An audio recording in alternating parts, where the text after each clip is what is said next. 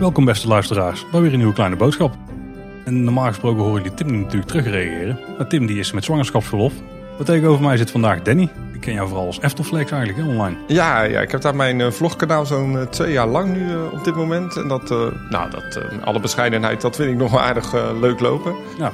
Maar ook bekend van de misschien andere podcasts af en toe te horen. En op teampark.nl natuurlijk. En nu bij de kleine boodschap. Wat een ontzettende eer sowieso. Maar dankjewel uh, dat ik hier mag zijn. Ja, volgens mij hebben we dit echt al een half jaar geleden een beetje, ja, niet afgesproken, maar van in de privésfeer gaat er iets gebeuren en dan hebben we misschien wel een vervanger nodig. Wil jij ik dan zit al een half jaar te wachten tot dat, totdat er een kind zou komen. Maar, ja, iedere maand, ja, dat gaat niet zo snel. Hè? dat duurt altijd even. Uh, maar Tim is toch een heel klein beetje bij ons vandaag, want hij heeft een paar voice clips ingestuurd. Dus we gaan de eerste eens even checken. Hey Paul, hey Danny, Tim hier. Uh, nog geen babynieuws, uh, helaas. misschien wel tegen de tijd dat deze, deze aflevering uitkomt. Maar op dit moment dus nog niet. Toch ben ik er niet bij tijdens de opnames. Uh, want het leek me nou eenmaal niet verstandig om in dit stadium nog helemaal naar het, uh, het hoge noorden af te reizen. Uh, nou ja, toch waren er allerlei leuke dingen te bespreken in deze nieuwsaflevering. dus vandaar dat ik het toch niet kon laten om wat voice clipjes op te nemen. Zodat ik er toch een beetje bij ben. Praat ik toch een klein beetje mee. Ja, excuses dus voor de mensen die, die blij waren dat ze eindelijk van mij verlost zouden zijn. Die tijd komt dus nog wel, maar vandaag nog even niet. Ik doe, uh, ik doe nog even lekker mee met uh, de nieuwsaflevering. Ja, Tim, ja, gefeliciteerd. Of misschien niet, we weten het ook niet op het moment van opname. Nee, ja, misschien uh, heb jij je telefoon aanstaan. ik heb hem aanstaan, ja. Het kan nu elk moment gebeuren. Ik denk dat vooral als het heel stil is, dat het dan misschien wel raak is. Nou ja, Tim, succes de komende tijd. En dank dat ik de rol mag opvullen even. Voorlopig, hè. je hebt goed gestudeerd op onze aflevering. Ik ben de afgelopen weken heb ik alles nog eens een keer geluisterd. Ja, ik dacht, je moet je goed voorbereiden op kleine boodschap. ja, wij beginnen altijd met follow-up. Dan kijken we even terug naar wat oude aflevering en uh, wat feedback die we daarop hebben gekregen. Want uh, wij zeggen ook wel eens iets wat niet klopt. En dan uh, wordt er mooi gecorrigeerd of we hebben misschien kleine aanvullingen. de vorige keer hadden we het al over de Europalaan. Daar ging niet alles nog helemaal goed. We hadden een luisteraar en die had last van spookrijder. En inmiddels hebben we een berichtje gekregen van luisteraar Kevin. En die reed op 29 december ook richting de Efteling op de Europalaan. En hij schrijft, kwam er tot mijn toeval ook een spookrijder tegen. Het ging ook maar net goed en ik kon nog net op tijd uitwijken. Hij reed op de derde strook die in de ochtend geopend is voor de komende Efteling-bezoekers. Ik hoorde in de aflevering dat er nog iemand was met zo'n probleem, maar toch benieuwd waarom mensen de keuze maken om op een rijstrook met een rood kruis te gaan rijden. Misschien is het voor sommige bekenden uit de buurt wennen dat ze in de ochtend nog maar één rijstrook kunnen gebruiken. Dat is wel opvallend, uh, vond ik, want er is niemand die vanuit de Efteling komt in de ochtend natuurlijk. Dus niet dat iemand daar het parkeerterrein afrijdt en dan een verkeerde het verkeerde rijvak oprijdt. Nee, plus het is natuurlijk ook bijzonder dat Efteling trekt heel veel nieuwe bezoekers. Dus niemand zou eraan moeten wennen. Het zou gewoon in één keer goed moeten gaan. Ja, dat klopt trouwens. Ja. Daar staan we niet besteld als mensen die er regelmatig komen. Ja. We hebben ook uh, tegen Kevin gezegd dat er inderdaad uh, dat het gewoon goed is om dit bij de gemeente te melden en bij de Efteling. En dan kunnen ze er iets aan doen. Uh, Tim, heb jij hier nog iets over te melden? Ja, en er gebeuren helaas nog meer ongelukken op de Europalaan. Uh, zo viel mij vorige week op dat, uh, dat inmiddels al een van de vier slagbomen uh, eraf gereden was. Dat gaat om de, de korte slagboom op de kruising van de Horst met de Europalaan. daar is een, een auto die mogelijk te hard reed tegen de slagboom aangereden. Nou ja, de gemeente heeft laten weten in de krant dat een nieuwe slagboom is besteld. En dat ze tot die tijd de rijbaan afsluiten met, met schildjes van die rood-witte paneeltjes, zeg maar. op zich niet een hele veel-safe uitvoering. En uh, dat bleek ook wel, uh, want inmiddels hebben ze de slagbomen omgewisseld. Dus de korte slagboom die normaal gesproken bij het uitrijplein van de Efteling hangt, uh, die is nu verplaatst naar de kruising met de Horst. Zodat daar allemaal weer netjes in orde is. En die derde rijstrook, zeg maar bij het uitrijden van de Efteling, die is nu tijdelijk afgesloten met schildjes en paaltjes. daar is het risico natuurlijk een stuk kleiner dat mensen sprongelijk de verkeerde rijbaan pakken. Um, en ik denk dat op het moment dat de nieuwe slagboom geleverd is, dat die weer wordt vervangen. En misschien is het toch handig als ze een extra slagboom of twee op voorraad uh, leggen. Alhoewel het op zichzelf natuurlijk wel zorgwekkend te noemen is dat er dus mensen zijn die zelfs uh, dwars door zo'n slagboom rijden. Overigens uh, zegt de gemeente zelf dat dit pas het eerste voorval is op de Europalaan en dat er daarom geen reden tot zorg is.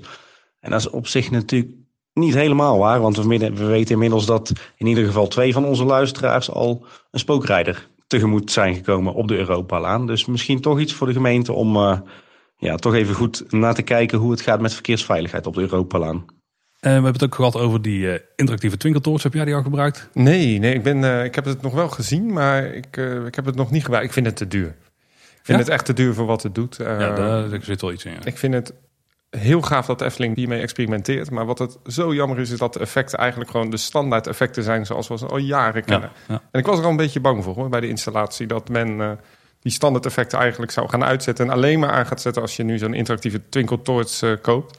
Hoewel, ik weet niet of je de kluis ook nog kunt bedienen met de sleutel. ja, dat weet ik eigenlijk ook niet. En ik weet ook niet, eh, de schatkist bedoel je dan? hè? De schatkist, ja. Want de kluis kun je misschien ook nog, want die horen met die gaatjes erin waar je dan in moest praten of aan moest- ik weet Mhm. niet precies wat het, wat het idee daar was. Maar die staat er ook nog steeds. Ik heb eigenlijk niet getest of die gewoon nog werkt. Ja, en de Ja. effecten die... eh, ik had nog wat op YouTube gezien. Ik vond het allemaal niet zo heel spectaculair. Vind je die eh, effecten die ze bijvoorbeeld bij Universal in Orlando hebben, vind je die dan wel tof? Want daar betaal je best wel veel voor zo'n stokje, volgens mij 55 dollar. Of Ja, dat, dat is ongelooflijk duur. Kijk, het, ook daar voel je je wel... Mag ik het een beetje op zijn Rotterdam zeggen? Genaaid.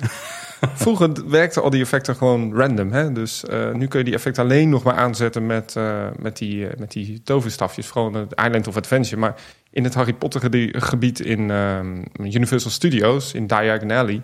daar heeft men dus wel die effecten echt gemaakt Ja. voor, dit soort, voor dit soort toverstafjes. Ik vind het concept heel leuk. Maar ik vind het toch altijd jammer dat je nu echt geld moet gaan betalen... om de volledige ervaring daar te krijgen. Gelukkig is in dat de Efteling nog niet. Maar ik was wel even bang dat toen ik hoorde dat in Symbolica zou komen... dat er bijvoorbeeld hele scènes waren die alleen maar werkten... als je met die uh, tovertwinkel torch erin zat. Ja, gelukkig is dat niet het geval. Ik heb dat inmiddels wel getest, maar het werkte nog niet helemaal soepel hoor. We stonden bij de voorshow en dan, eh, want het idee is dat als producer iets met zijn twinkeltoors doet, dat hij voor jou dan mee gaat doen. En eh, dan tovert hij de trap, spoilers, dan tovert hij de trap uit elkaar. Iedereen die luistert, die moet het toch wel weten. Ah, dat denk nu wel. En, en er gebeurde eigenlijk helemaal niks totdat we op het knopje drukten. Er stond misschien een stand-by stand of zo. Ik heb echt geen idee hoe dat dan werkt. Maar het is toch een heel flauw effect ook, hè? Met een beetje lampjes knippen. Ja, het is ook, het is ook echt het feit dat het knippert. En niet dat het een mooi... eh, er zit geen dim effect in of zo, zeg maar. Dat had nog iets specialer kunnen maken. Of dat, eh, die bol die voor op jouw eh fantasiewaarde zit, er zitten ook eh, ledjes in rondom. En die, die, die knipperen en die veden een beetje alle kanten op. En dat effect had ik eigenlijk ook groot in die bol. Dan was die 20 euro ook een stuk makkelijker te verantwoorden geweest. Ja, ik vind het idee ontzettend leuk. Ik, eh, ik hoop echt dat de Efteling dit misschien wat gaat uitbreiden. Misschien ook dingen in de Sprookjesbos. En dan hoop ik echt dat het nieuwe effecten zijn die niet... Ja, dat ik denk van niet dat ineens rood kapje weg is als je dat ding niet hebt natuurlijk. Maar eh, de, de Efteling zou er goed aan doen om dit systeem misschien iets wat, wat enthousiaster, wat groter te maken. Eh, misschien een meerdere attracties. Tot nu toe vind ik het heel erg tegenvallen. Ja, ik ben er ook bang voor dat, dat ze nu misschien denken van het valt tegen. We verkopen ze niet zo goed of eh, ja, de, de waardering is niet zo hoog. Maar dat komt gewoon omdat de uitvoering nog niet helemaal in orde is. Nee, maar dan moet je het niet eh, verkopen. Nee, dat is niet een 9 plus ervaring die dan... eh, Nee, je moet, is, ja. dan moet je gewoon eerlijk zeggen. Voor mij, het Toverland heeft dat ook gedaan. Hè? De show, de, de interactieve tovershow, dat werkt niet. Nou, dan halen we hem er even uit. Ik denk dat dat de beste beslissing is. Je kunt dan als park ook gewoon je gasten recht aankijken. Omdat je, ze geven geen geld daarvoor uit. Ja. En ik vind dat van Toverland destijds heel slim. Ik snap ook het onderscheidende nog niet helemaal van die, van die Twinkle Torch, eh, die interactieve dan. Omdat, ja, er zijn zoveel parken die dat doen. Hè? Ja, het, wat er wel onderscheidend maakt is dat er nog een effect in de toort zelf zit. Valt er wel een beetje tegen. Maar dat die ledjes erin zitten en knipperen, de, dus het knipperen dat maakt het niet echt magisch. Maar, maar dat voegt dan wel iets toe ten opzichte van de rest. Ja, ik ben heel benieuwd eh, of het onderhoud en de, de kosten die dit allemaal heeft eh, meegebracht, of dat Mm. überhaupt ooit rendabel gaat worden voor de Efteling. Ja, ik nou, eh, ik betwijfel het. Ja. Er zit in ieder geval een effect in bij de zonnewijzer voor die twinkeltoortsen. En Kevin schrijft dan ook over. Volgens mij zitten de leeuwenkoppen ook op hetzelfde systeem aangesloten als het fonteintje van de zonnewijzer, zoals Tim al zei. Ze gaan inderdaad harder spuiten wanneer je het effect van de zonnewijzer met je twinkeltoorts activeert. Dat is dan wel een van de effecten die is toegevoegd speciaal voor die twinkeltoorts. Wat dan eigenlijk ook meteen een van de leuker is, vind ik. Want die andere kennen we natuurlijk allemaal. Tim noemde in de vorige aflevering al dat hij nog even ging kijken bij de nieuwe bibliotheek in Tilburg. Want daar heeft de Efteling ook een aantal dingen gedaan. Dus kom er maar weer in, Tim. Ja, nog even een eh, puntje van follow-up vanuit mij. Eh, zoals ik in de vorige nieuwsaflevering eh, heb laten weten, zou ik nog even een kijkje nemen in de nieuwe bibliotheek van Tilburg. Die is gevestigd in de Lokhal, in de spoorzone. Dat is zeg maar de, de oude werkplaats van de Nederlandse spoorwegen, die achter het, het Centraal Station ligt. Eh, een heleboel gebouwen daarvan zijn inmiddels gesloopt en een aantal hebben een nieuwe functie gekregen. Eh, en eentje daarvan is dus de lokhal, de plek waar voorheen eh, de stoomlocomotieven en later de elektrische locomotieven werden onderhouden. Nou goed, daar is dus sinds kort de Centrale Bibliotheek van Tilburg in gevestigd. En ik ben er gaan kijken en kreeg daar een rondleiding. Een prachtig gebouw. Zeker een aanrader voor degenen eh, die, die helemaal fan zijn van cultureel erfgoed en industriële monumenten. Want het is ontzettend indrukwekkend om te zien hoe ze een moderne biep eh, in, een, in, een, ja, zeg maar in een industrieel monument hebben geschoven. Ziet er prachtig uit. Is architectonisch zeker de moeite waard. Eh, maar waar ik natuurlijk ook voor ging kijken is voor de jeugdbibliotheek. Omdat uh, bleek dat de Efteling de, de, zeg maar de kinderafdeling van de Biep had aangekleed. De aankleding daarvan is niet heel indrukwekkend. Wat er is gebeurd is dat er zeg maar, soort meubels, een soort kastenwanden gemaakt zijn met als het ware grote sprookjesboeken. dat, dat is iets wat we bijvoorbeeld in de Efteling zelf ook zien in de Marskramer. Hier is het allemaal net iets groffer uitgewerkt.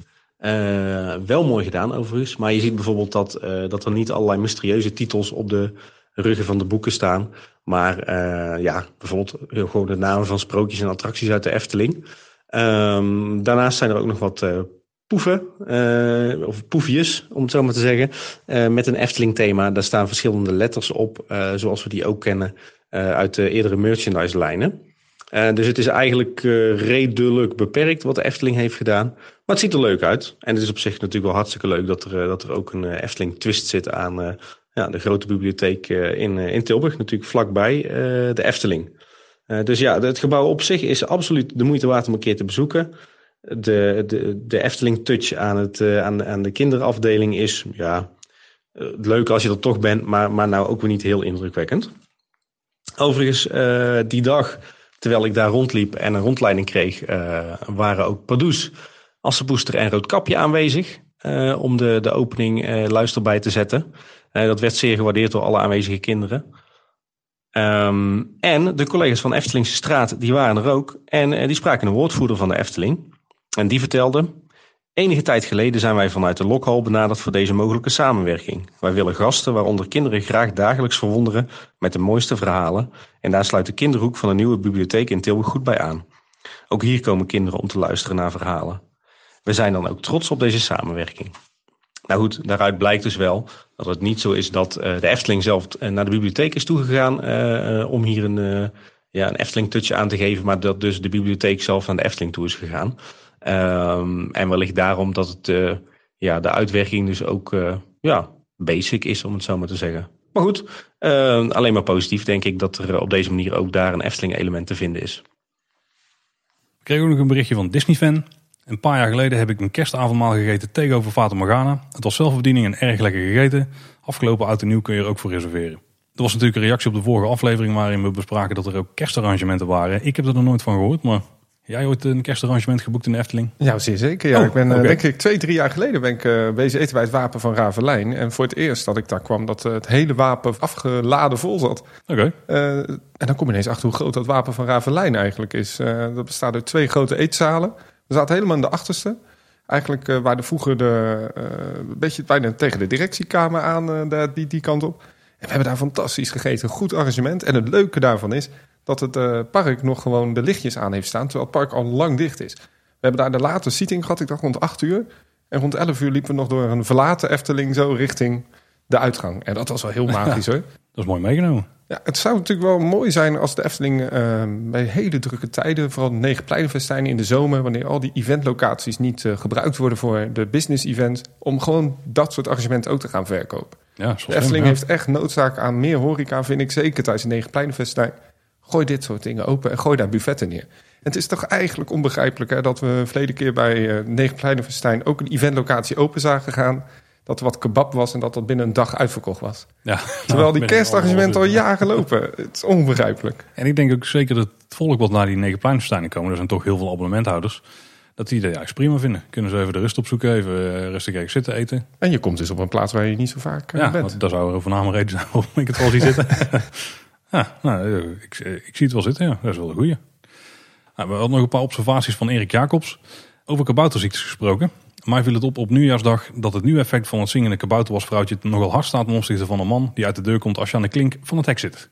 Dat is me ook opgevallen. En ik dacht, is misschien een incident, want soms dan loop je door het sprookjesbos en dan werkt het niet helemaal zoals het de bedoeling is en een dag later werkt het weer. Maar in dit geval lijkt het dus wel iets vaker te gebeuren.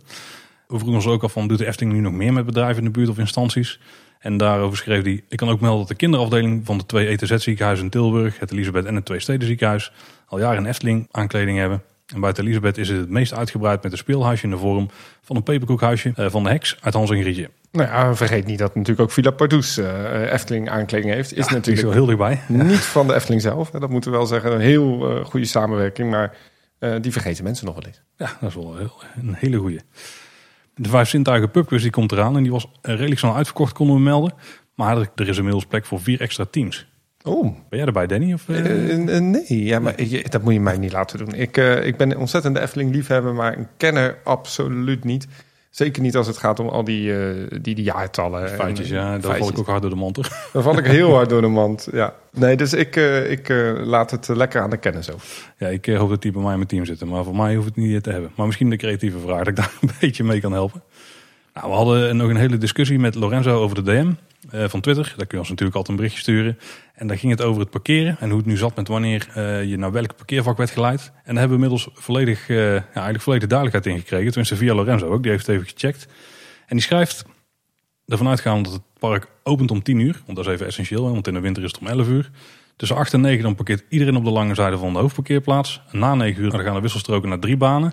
En daarbij sturen ze dus de twee eh, meest rechtse, die sturen ze naar vak K. En de meest linkse die gaat dan nog steeds naar de lange kant. Iedere dag nadat een bepaald gedeelte van lang is gevuld, wordt die route afgesloten. En dan eh, wordt er een gedeelte van lang bewaard voor de mensen die later komen of die naar evenementen gaan. En als de meeste drukte voorbij is, dan wordt kort geopend. Dus in principe gaat op een gegeven moment lang dicht. Gaat iedereen eens naar K. Dus dan heb je inderdaad niet de optie om naar eh, de lange kant te gaan. Zoals ik steeds voorstelde met blijf links rijden, blijf links rijden. Want dat mag niet. Ook dat was iets trouwens wat Kevin nog schreef. Ja, dat gaat kort op een gegeven moment dus ook nog open. Daar sta ik de laatste ook best regelmatig als ik in de middag kom. En volgens mij zit het allemaal gewoon eh, zodat ze ervoor kunnen zorgen dat op een gegeven moment op K niemand meer hoeft te staan. En dat ze al die mensen gewoon kunnen laten melden op het hoofdverkeerterrein. Of zelfs op een gegeven moment niet meer. Dat mensen het zelf maar uitzoeken. Want dat gebeurt op een gegeven moment. Hè. Dan Ja. kan iedereen gewoon naar de lange kant rijden. Dan zoek je zelf maar een plaatsje. Heeft hij mooi even gecheckt voor ons. En we hebben de vorige keer ook gehad van wat zou er nu eens kunnen komen in het Efteling eh, Museum. En welke attracties zijn geopend in de jaren ja, zeg maar, die nu een jubileum vieren. Dus iets met vijf of tien jaar. En daar had Tim nog iets over te melden. Ja, jongens, ik ben bang dat ik toch ook een beetje de hand in eigen boezem moet steken. Eh, tijdens de vorige nieuwsaflevering hadden we het even over het nieuws dat er eh, een nieuwe tentoonstelling in het Efteling Museum zou komen, waarvan nog niet bekend was eh, wat nou het, het onderwerp zou zijn. Ehm, we waren toen even aan het gokken van, joh, het moet iets te maken hebben met, eh, ja, met jubilea van attracties. Eh, en toen kwamen we uit op een aantal jaartallen. Daar hebben we toch wat foutjes in gemaakt. Zo eh, zei ik dat de stoomcarousel opende in 1954. Eh, maar dat is natuurlijk niet zo. Die opende in 56. En onze luisteraar Ramon, die vulde ook nog aan dat bijvoorbeeld het meisje met de zwavelstokjes in 2004 is geopend. Dat, eh, dat zou dus ook een kanshebber zijn. Maar eh, er zijn meerdere luisteraars, in ieder geval eh, Justin en Menno, die hebben in het museum opgevangen dat de nieuwe tentoonstelling zou gaan over de stoomtrein. En dat is natuurlijk heel logisch, want de stoomtrein opende in 1969. Dus die is in 2019, maar die is 50 jaar oud. En dat is natuurlijk een schitterend jubileum om, eh, om uit te lichten. Dus het zou heel goed kunnen dat eh, de, de nieuwe tentoonstelling in het Efteling Museum over de stoomtrein gaat. En ik denk dat het op zich een heel interessant onderwerp is. Eh, want in de loop der jaren zijn er natuurlijk vier verschillende loks geweest. Eh, een aantal eh, stations die zijn verschenen en ook weer verdwenen in sommige gevallen. Het stoomtreintraject heeft natuurlijk heel wat veranderingen doorgemaakt in de loop der jaren. Er is natuurlijk heel veel te vertellen over stoomtreinen en, en rails en stations in algemene zin. Ja, en sowieso de attractie heeft natuurlijk al jarenlang een, een prominente plek in de Efteling. Dus ik denk een, hele, een heel leuk onderwerp en ook heel geschikt voor het Efteling Museum. Dus de nieuws wat we alleen maar kunnen toejuichen. Laten we het hopen eh, dat het dat wordt. Efteling, als je dit hoort, gelijk doen. Ik denk dat de stoomtrein een van de mooiste attracties is in de Efteling. Het is een, eh, een vorm van techniek die je niet meer heel vaak ziet. En dat de Efteling nog tot de dag, hè, we hebben ook een nieuwtje misschien later in deze uitzending, dat ze wat eerder gaan rijden met twee treinen. Als je ziet hoeveel werk daarin zit. Het is zo ontzettend interessante techniek. En het is zo het hart van het park. Ik, ik vind het zo'n prachtige attractie en ik maak het liefst heel veel rondjes in op een dag. Ehm, en er zit zoveel verhalen achter van Soesdijk. Nou ja, je kent al die verhalen wel. De echte Efteling-fans. Ja, dat is fantastisch. En dan zou ik misschien nog opteren om, een, eh, een, eh, om, de, de stoomtrein die nu als museumstuk staat voor de Droomvlucht. Dan zie je, nou komt mijn Efteling-kennis niet eh, omhoog, omdat ik weet hoe dat ding heet. Maar een van die stoomtreinen, om die misschien eens te verplaatsen naar het Anton Pieckplein. Om helemaal te reviseren. Of misschien zelfs op de binnenplaats naast het uh, Python baanstuk Ja, te zetten. ja, ja. Oh, ik denk dat het een fantastische mooie tentoonstelling kan worden. Daar ben ik het helemaal mee eens, ja. En eh, je vindt het mooi om rondjes te rijden op de stoomtrein, maar dat kan ik, hè?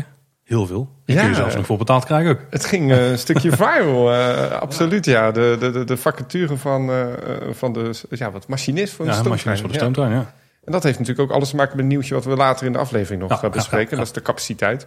Maar wauw, bizar hoe dat viral is gegaan. Ja, leeft ook wel. Hè? Heb jij het gesolliciteerd? Nee. Daar wordt mijn baas niet blij, van, niet blij van, denk ik. Er was ook nog wat nieuws over de Efteling musicals. Volgens mij schreef Loopings dat het niet super goed ging met eh, het verkopen van de Sprookjesprokkelaar. Maar we hoorden dankzij een anonieme tip wel dat de Efteling waarschijnlijk weer gaat toeren met de Sprookjesboom musical. Dus die is dan toch iets populairder misschien. Ik denk vooral omdat die heel jong publiek trekt. Ik ben eh, zelf niet zo'n entertainment fan. ehm, dus ik ken de musicals van de Efteling niet. Maar volgens mij was Sprookjesboom die musical toch de meest aansprekende. Ja, je hebt natuurlijk al die bekende characters. En ik moet je heel eerlijk zeggen, ik vind de handpoppen die ze nu gebruiken bij de, eh, de shows in het Sprookjesbos echt heel goed. Ja. Goede acteurs. Ik was eh, bij het laatste Negenpleinenfestijn meegesleurd door iemand van kijk maar eens naar die Wolf-show. Ja. En ik heb daar echt met een grote glimlach gezeten. Ik vind het heel goed gedaan van de Efteling. Een van de sterkste eh, producties die ze daar neer weten te zetten. En ehm, ja, als de Efteling dat weer gaat doen, ik denk dat dat toch prima is. En wat wel bijzonder is, is dat ze die show dus nu op YouTube hebben staan. Die kun je volledig kijken daar. Echt waar? Ja. Oh. Want dat doen we namelijk regelmatig, want de kinderen vinden die nogal leuk. Ja, ja, ja, ja, ja. ja. Eh, Zou ik dus- ook zeggen. Dat is wel echt eh, de reden, ja. dus, eh, dus ik denk dat ze die dan misschien wel weer gaan weghalen. Of die is zo populair dat die juist door heel veel mensen ook in het echt gezien worden. Dat kan natuurlijk Ja, ook. het is een beetje de Studio 100 techniek ook. Ja, Overal is het te zien. Ik, ik zou ja, best wel goed vinden als de Efteling daar wat meer mee gaat doen. Ik ben benieuwd. Ik vond Caro dus wel een hele toffe show. Die ga je misschien ook wel trekken, Danny. Want ik ben ook echt helemaal niet van het theater. En ik heb me een keer zo helemaal zitten opvreten bij de Lion King. en dat moet dan toch wel heel goed zijn, heb ik begrepen. Ja, dat Lion King. Misschien was het Tarzan. Ik weet het niet eens meer. Zo goed is hij blijven hangen. Dus eh maar Caro kon me echt wel bekoren. Ik moet hem eh, nog steeds zien. Ik hoorde veel positieve verhalen over. Ook van mensen die niet eh, zozeer Efteling-fan zijn. Ehm, ja, het, het grote nadeel voor mij is dat je niet je plaatsen kan reserveren. En Ah, eh, oh. je kan niet zelf je plaatsen kiezen online. Ik weet niet of dat inmiddels is aangepast. Maar ik hoop echt dat eh, dat eh, binnenkort kan. Want ik wil hem heel graag zien. Mooie prijs ook voor abonnementhouders. Ja, ja. Dan gaan we eens even door naar de hoofdonderwerpen. De zes zwanen, er wordt flink gebouwd. Er wordt nu vooral gewerkt aan de fundering nog. Volgens mij zijn ze nu net aan het rijgen en zo. En er gaat daar natuurlijk een berg beton in voor de vijver. En de diameter die is ongeveer 15 meter. En een paar mensen hebben het dus even gecheckt bij de leveranciers van die molens. Het blijkt dat 15 meter best wel groot is. Ongeveer twee keer zo groot dan de meeste van die eh ja, eentjesmolen, zwanenmolens. Van die, die molens die ze op het water hebben. Zoals Toverland er een heeft bijvoorbeeld. Ja, maar wat ik, wat, wat ik eigenlijk heb begrepen is dat volgens mij die zwaantjes ook een stukje naar binnen gaan. Ja.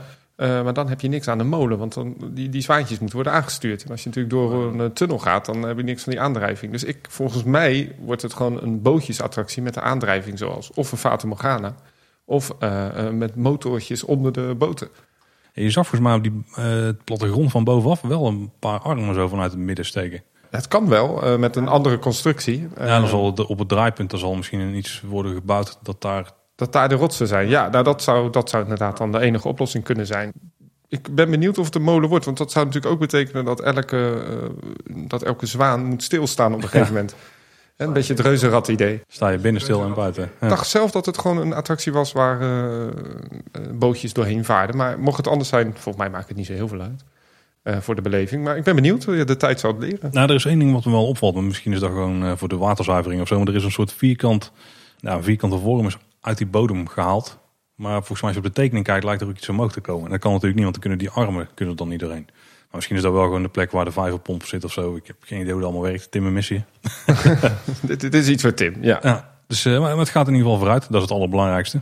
Ja, ik ben heel benieuwd hoe het eruit gaat zien. En nogmaals, ik vind het heel erg leuk dat de Efteling... eh, maar ik, ik weet ook dat de meningen daar heel erg verdeeld in zijn... maar dat er nu ook iets eh, echt te doen is in het Sprookjesbos qua attractie. En ik denk dat dit wel een hele chique oplossing is. Ja, het is wel een redelijk simpele. De capaciteit wordt niet super hoog. Maar het is inderdaad, er is iets te doen. En het gaat daar wel mensen heen trekken. Dat denk ik zeker, Oh. ja. Ik, eh, ik, ik kijk er heel erg naar uit. En ik kijk vooral uit naar het moment dat ze... En dan moeten we het even lenen van eh, collega Ralf van Details. Maar dat ze verticaal gaan. Daar eh, heb ik echt heel veel zin in. Hashtag verticaal. ja. Tim, je hebt nog iets te vertellen over de stand van de zaken van de verlegde Horst en F62. Dat is de fietsnelweg. Dat is Tim's expertisegebied, hè? Dus, ja, die, die heeft er flink ingedoken, ja. Dat knap van je, Tim. Ja, en aan eh, een update over de stand van zaken over de zes zwanen is het natuurlijk ook weer tijd voor een update over de stand van zaken van het werk aan de verlegde Horst. Eh, de weg van Kaatsheuvel naar Loon op Zand, die, eh, die een stukje wordt omgelegd zodat de Efteling kan gaan uitbreiden. En daarnaast komt natuurlijk ook de fietsnelweg te liggen van Tilburg naar Waalwijk, de F261. Daar wordt momenteel hard aan gewerkt. In een eerdere nieuwsaflevering zeiden we al dat het, het werk aan de kabels en leidingen die onder de weg moeten komen te liggen, dat dat zo goed als klaar was. nou ja, dat blijkt toch nog een beetje voorbarig, want er wordt nog steeds flink aan gewerkt. En het lijkt er ook op dat het niet allemaal even gecoördineerd en goed op elkaar afgestemd loopt. omdat sommige sleuven die eerder dicht waren gegooid, nu weer worden opengetrokken om er toch nog andere kabels in te leggen. Nou ja, dat is niet heel efficiënt, maar aan de andere kant dat is redelijk, komt wel vaker voor in, in de wereld van de wegenbouw. Dus dat is ook niet iets waar we van moeten schrikken. De plekken daar waar de kabels en leidingen er al wel goed in liggen, daar wordt momenteel ook al wat gewerkt aan het, het grondwerk, zeg maar onder de, de nieuwe weg. en je ziet ook dat het, het, depot, dus zeg maar het, de opslagruimte, die nu tijdelijk gemaakt is op de plek waar de Efteling straks het Ruigrijk gaat uitbreiden dat die ook momenteel bomvol ligt met, met zand en grond en andere rommel. Dus er wordt hier hard gewerkt door de, de firma KWS Infra. Uh, die werken overigens niet alleen aan de nieuwe weg en het nieuwe fietspad. Maar die zijn nu ook druk bezig met het, het voorbereiden van de nieuwe fietstunnel.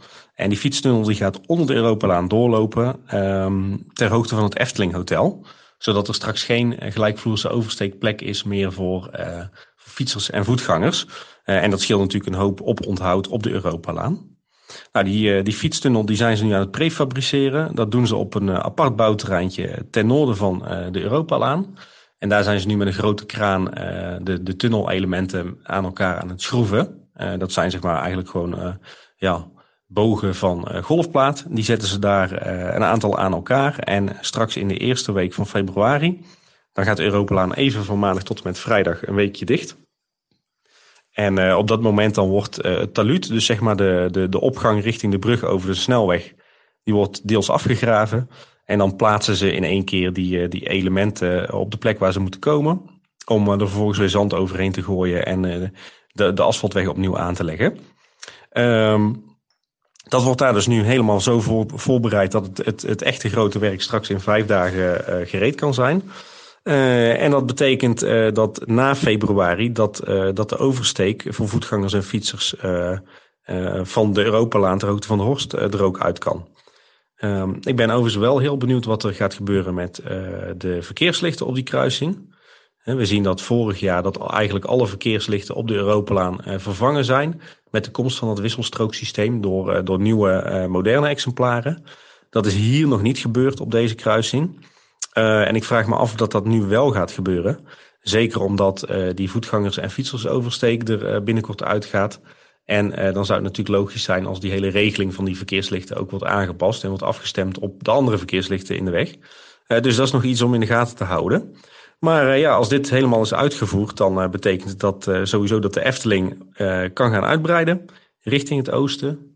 mits de Raad van State de, de plannen natuurlijk alsnog goedkeurt. Maar dan ligt de Horst in ieder geval niet meer in de weg.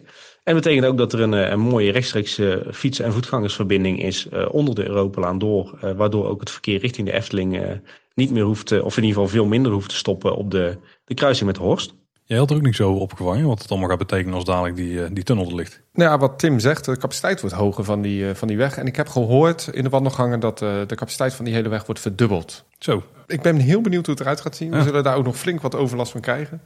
Uh, maar het zou natuurlijk heel goed zijn. Volgens mij wordt heel die afslag zelfs een paar dagen afgesloten. Want dan gaan ze halen gewoon een deel van het asfalt weg. Graven ze een gat en dan schuiven ze hem zo in. En dan gooien ze alles weer dicht en dan gaat er weer nieuw asfalt overheen. Nou, het Maastunnelprincipe, als we nu toch een beetje over Rotterdam praten. dat uh, hebben ze de Maastunnel ook gegraven. Ja, nee, dat, uh, dat zou heel goed kunnen. Ik ben heel benieuwd hoe het eruit gaat zien. Ja, dat kan ik u wel deels vertellen. Niet super spannend. Nee, het wordt een tunnel. Ja, en dan van die zo'n golfplatentunnel. Maar er komt wel iets van verlichting in die het dan misschien nog enigszins goed maakt.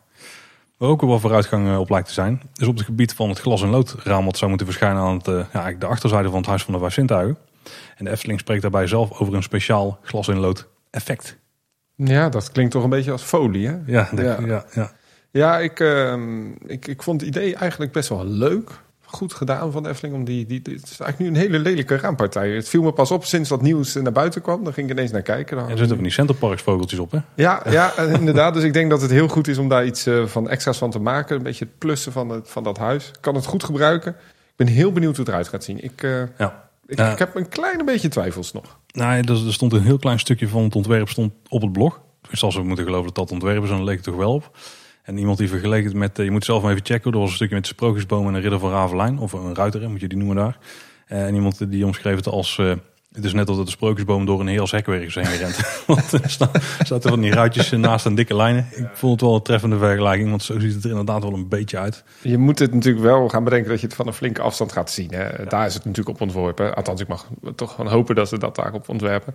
Ik vind het heel erg leuk dat ze het, eh, het park een beetje terug willen laten komen bij de intree. Een beetje zoals die Disney posters Ja, hè, ja, ja. eh, bij de Main Street eh, Station. Ik weet niet of dit nou echt de manier is hoe ik het zelf zou doen. Maar goed, ik ben ook geen Efteling ontwerper. Maar ik vind het iets te in your face. En ik had het wat subtieler misschien zelf gedaan.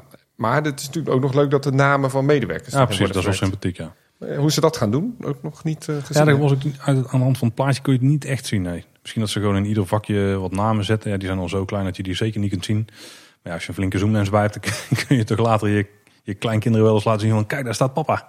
Ja, wat het misschien ook nog zou zijn, is dat ze een deel wel met echt glas in lood maken en de namen erop plakken. Ja, we weten het nog niet. Nee. Ik ben heel benieuwd. Ja, kijk, in de basis past glas en lood wel.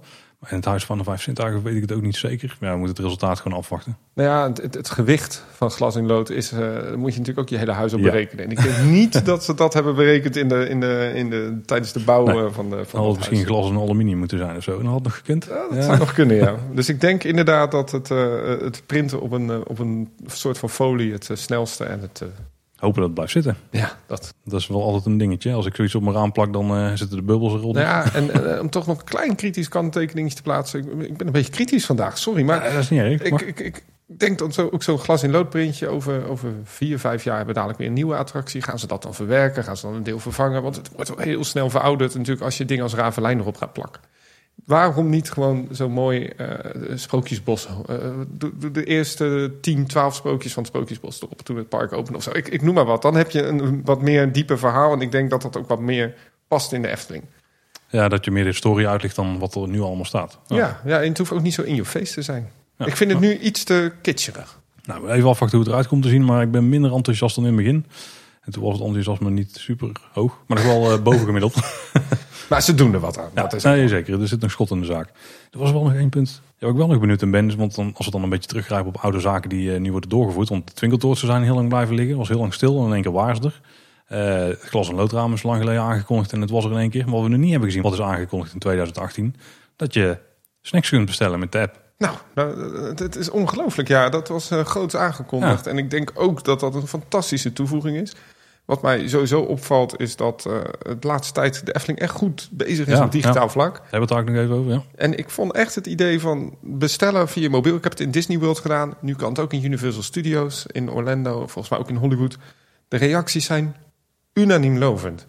Het is zo'n ontzettend goed systeem. Ik ben heel benieuwd uh, waar, waarom dat allemaal zo lang duurt. Uh, ja, we zullen, ik hoop dat het nog komt eigenlijk voor de zomer. Ja, ja ik verwacht het uh, voor de zomer. Ja, dat zal toch wel. Nou ja, ik hoop toch wel weer voor de het zomer. Het is volgens mij eind van de zomer aangekondigd of zo. Dus het ligt er al wel echt heel lang, al bijna een half jaar. Ja, en je vraagt je af waarom je het dan aankondigt en pas een jaar later gaat introduceren. Het, Ja. uh, nou ja. Nou ja, dat is het volgende waar, ik het, uh, waar we het ook over gaan hebben. Dat de Efteling de capaciteit flink aan het verhogen is. Dus dat is een observatie die wij ook al hebben gedaan. Maar nu hebben ze een, uh, een blogartikel geplaatst waar het eigenlijk allemaal netjes in uiteenzetten. Ja, en ik moet toch jou en de Efteling daar hier toch een beetje in verbeteren. Oh, ik vind het heel raar dat iedereen zegt de capaciteit verhogen. Het is uh, de capaciteit Ja, beter benutten nee. van de attracties, hè? Nou ja, oké. Okay, met het oog op de toekomst wordt die verhoogd. Zeg maar als we kijken wat er aan gaat komen de komende tijd. Want ik neem Max en Moritz voor het gemak mee en dat ze Pannendroom open houden. Ja, maar bij het nieuwsstuk ging toch echt over de capaciteit uh, verhogen. En ik zie toch meer efficiëntere werkwijzes, waardoor de huidige capaciteit van de attracties uh, gewoon optimaal benut wordt. Je hebt helemaal gelijk, ja. Um, en, en, iedereen denkt van ja, het wordt kortere wachttijden. Nee, de capaciteit wordt gewoon beter benut van een attractie. En dat dat misschien kortere wachttijden uh, oplevert. Maar met een single riders rij gaat niet de capaciteit, of, gaat niet de wachttijd van je attractie naar beneden. Nee. alleen de karretjes zitten voller. En dan komt dat er nu meer mensen kunnen, van gebruik kunnen maken om dat op te vullen. Uh, enige wat ik daarover te zeuren heb, hoor, want ik vind het ongelooflijk goed dat de Efteling hier eindelijk mee bezig is. Ik denk ja. dat het voor heel veel Efteling-fans ook een beetje was van, oh, waarom niet in dit park? Als je ziet wat alle parken in de omgeving doen om die capaciteit te verhogen. En we zien nu ineens groepes. Ik zag zelfs, ik heb wel eens gezien op Twitter dat er een groepen was bij de Vogelrok. Ja, en onzichtbare zelfs, ja. Ja, ja dat was een bijzonder. Ja, maar je ziet hoe makkelijk mensen zich ook kunnen aanpassen op dit soort systemen. En het, ik vind het een hele goede zaak dat de Efteling daar zo goed mee bezig is. En uh, nou ja, we kunnen de, de, de nieuwtjes even langs natuurlijk. Waaronder bijvoorbeeld de ruimere openingstijden. Ja, ja, die gaan ze vooral dit jaar dan inzetten. En die hebben ze al- trouwens afgelopen kerstvakantie ook ingezet. Ja, ze gaan nu in ieder geval een test doen in volgens mij de meivakantie, de voorjaarsvakantie. En dan gaan ze een deel van het park langer open houden. Om te kijken wat dat doet. En welk deel dan? Ja, dat is nog niet bekend. Dat moeten ze nog bekendmaken. Maar ik zou dan denken de Fantasierijk en misschien Anderrijk. Ja, of Ruigrijk juist, misschien vanwege de achtbaan. Ja, dat zou kunnen. Ja, maar dan zit je misschien met overlast. Ja, we zullen zien. Ja, Dat is niet bekend. Ja, Ruigrijk wordt wel lastig. Want dan heb je veel in- en uitgang. En je moet best wel een eind lopen vanaf de entree om naar te komen. ja, misschien dat toch Symbolica dan nog langer open kan blijven als eh, nieuwste attractie van het park. En eh, dan in de, ja, de vakanties aan het eind van het jaar, dan gaat het park ook lang open blijven, ook in de herfstvakantie. Dus ja, dat zijn goede zaken. Hè? Dan heb je gewoon meer tijd om de attracties te doen. Dus ik ben blij. Uiteindelijk, eh, Fantastisch. Ja, uiteindelijk gaat het ah, hopelijk een beetje landen zo bij die Orlando openingstijden. Dan, eh, iedere dag tot 10 uur. En nu de temperatuur nog vaak. Ja. Ja, ja dat, dat is een kwestie van global warming. Hè?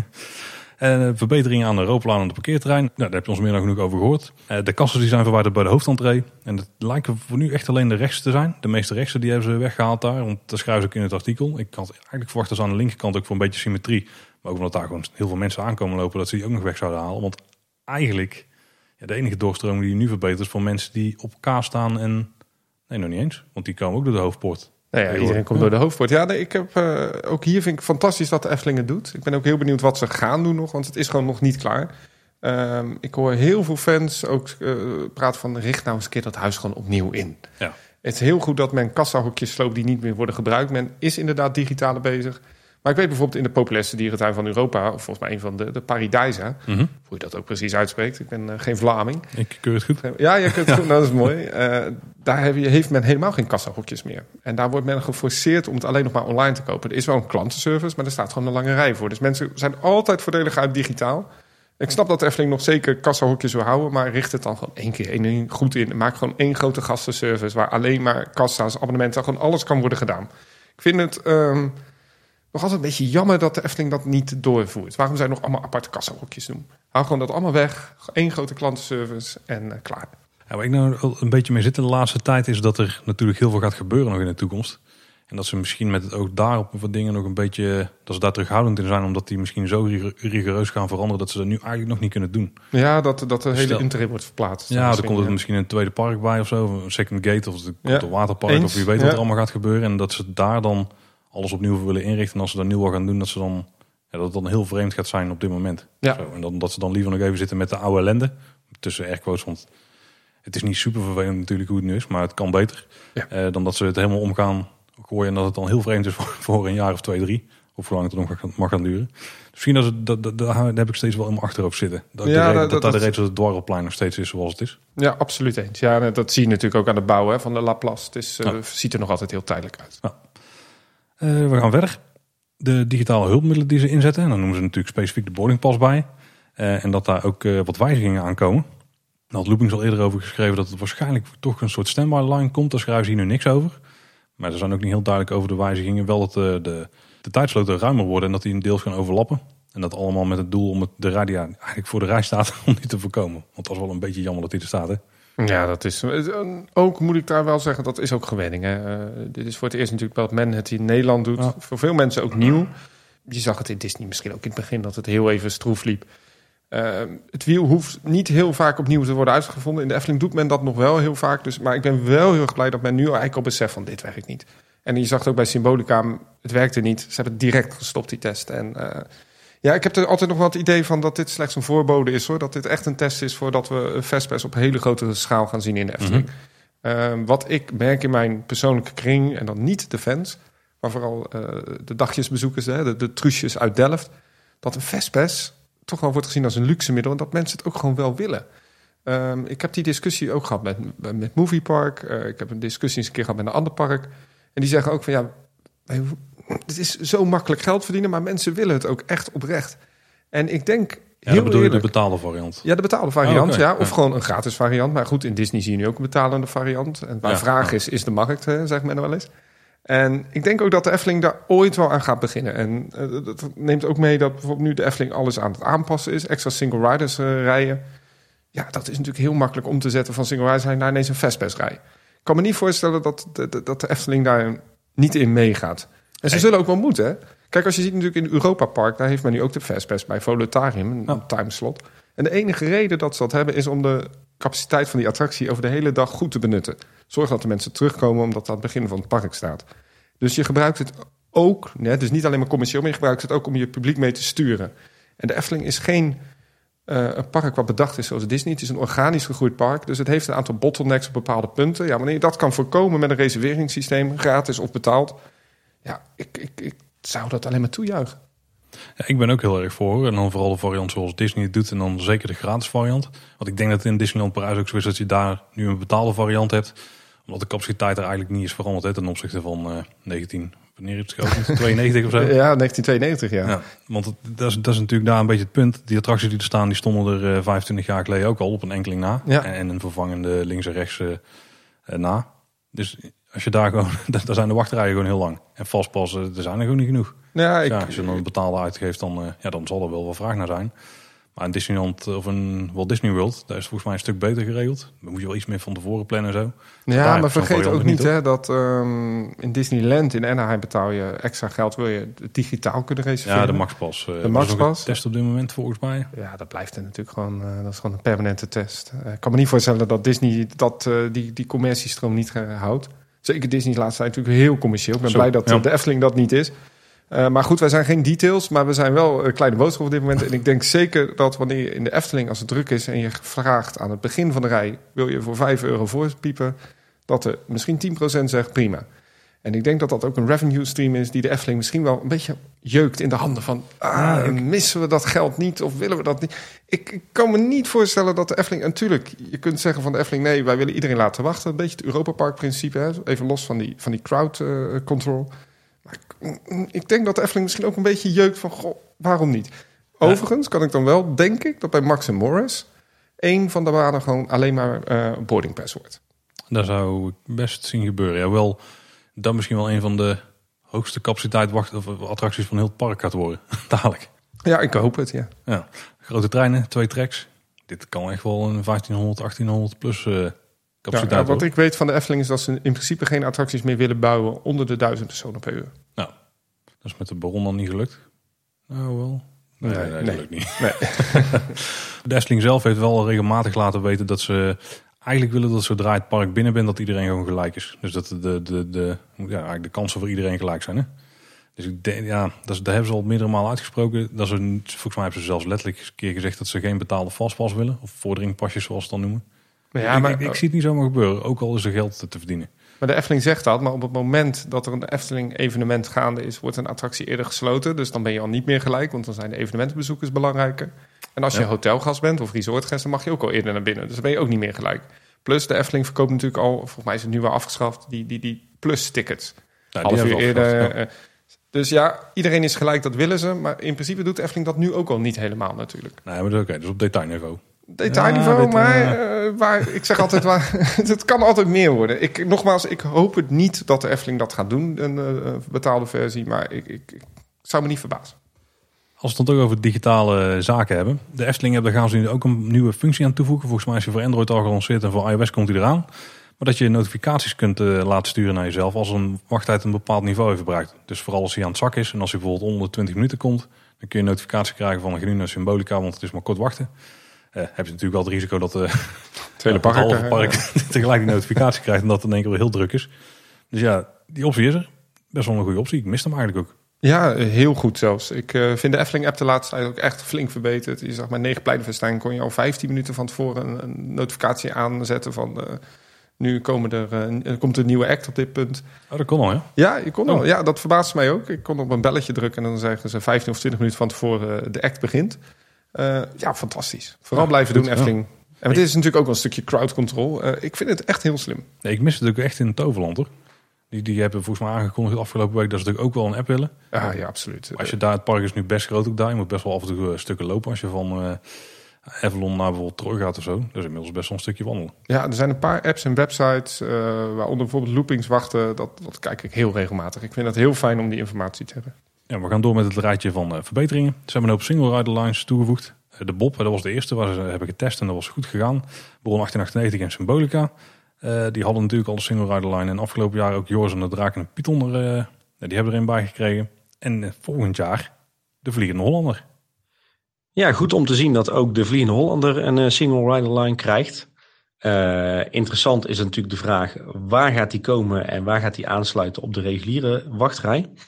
Uh, er, er, werd wat over gespeculeerd. We kregen onder andere ook een tweetje van Maarten.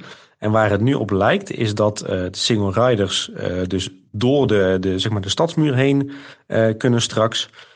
en dat dan de single rider entree gaat komen op de plek waar voorheen de nooduitgang wel was in het gangetje wat eigenlijk loopt tussen de, de, zeg maar het gedeelte van de wachtrij waar de havenhuisjes zijn en het punt waar je naar beneden de opstaphal in loopt.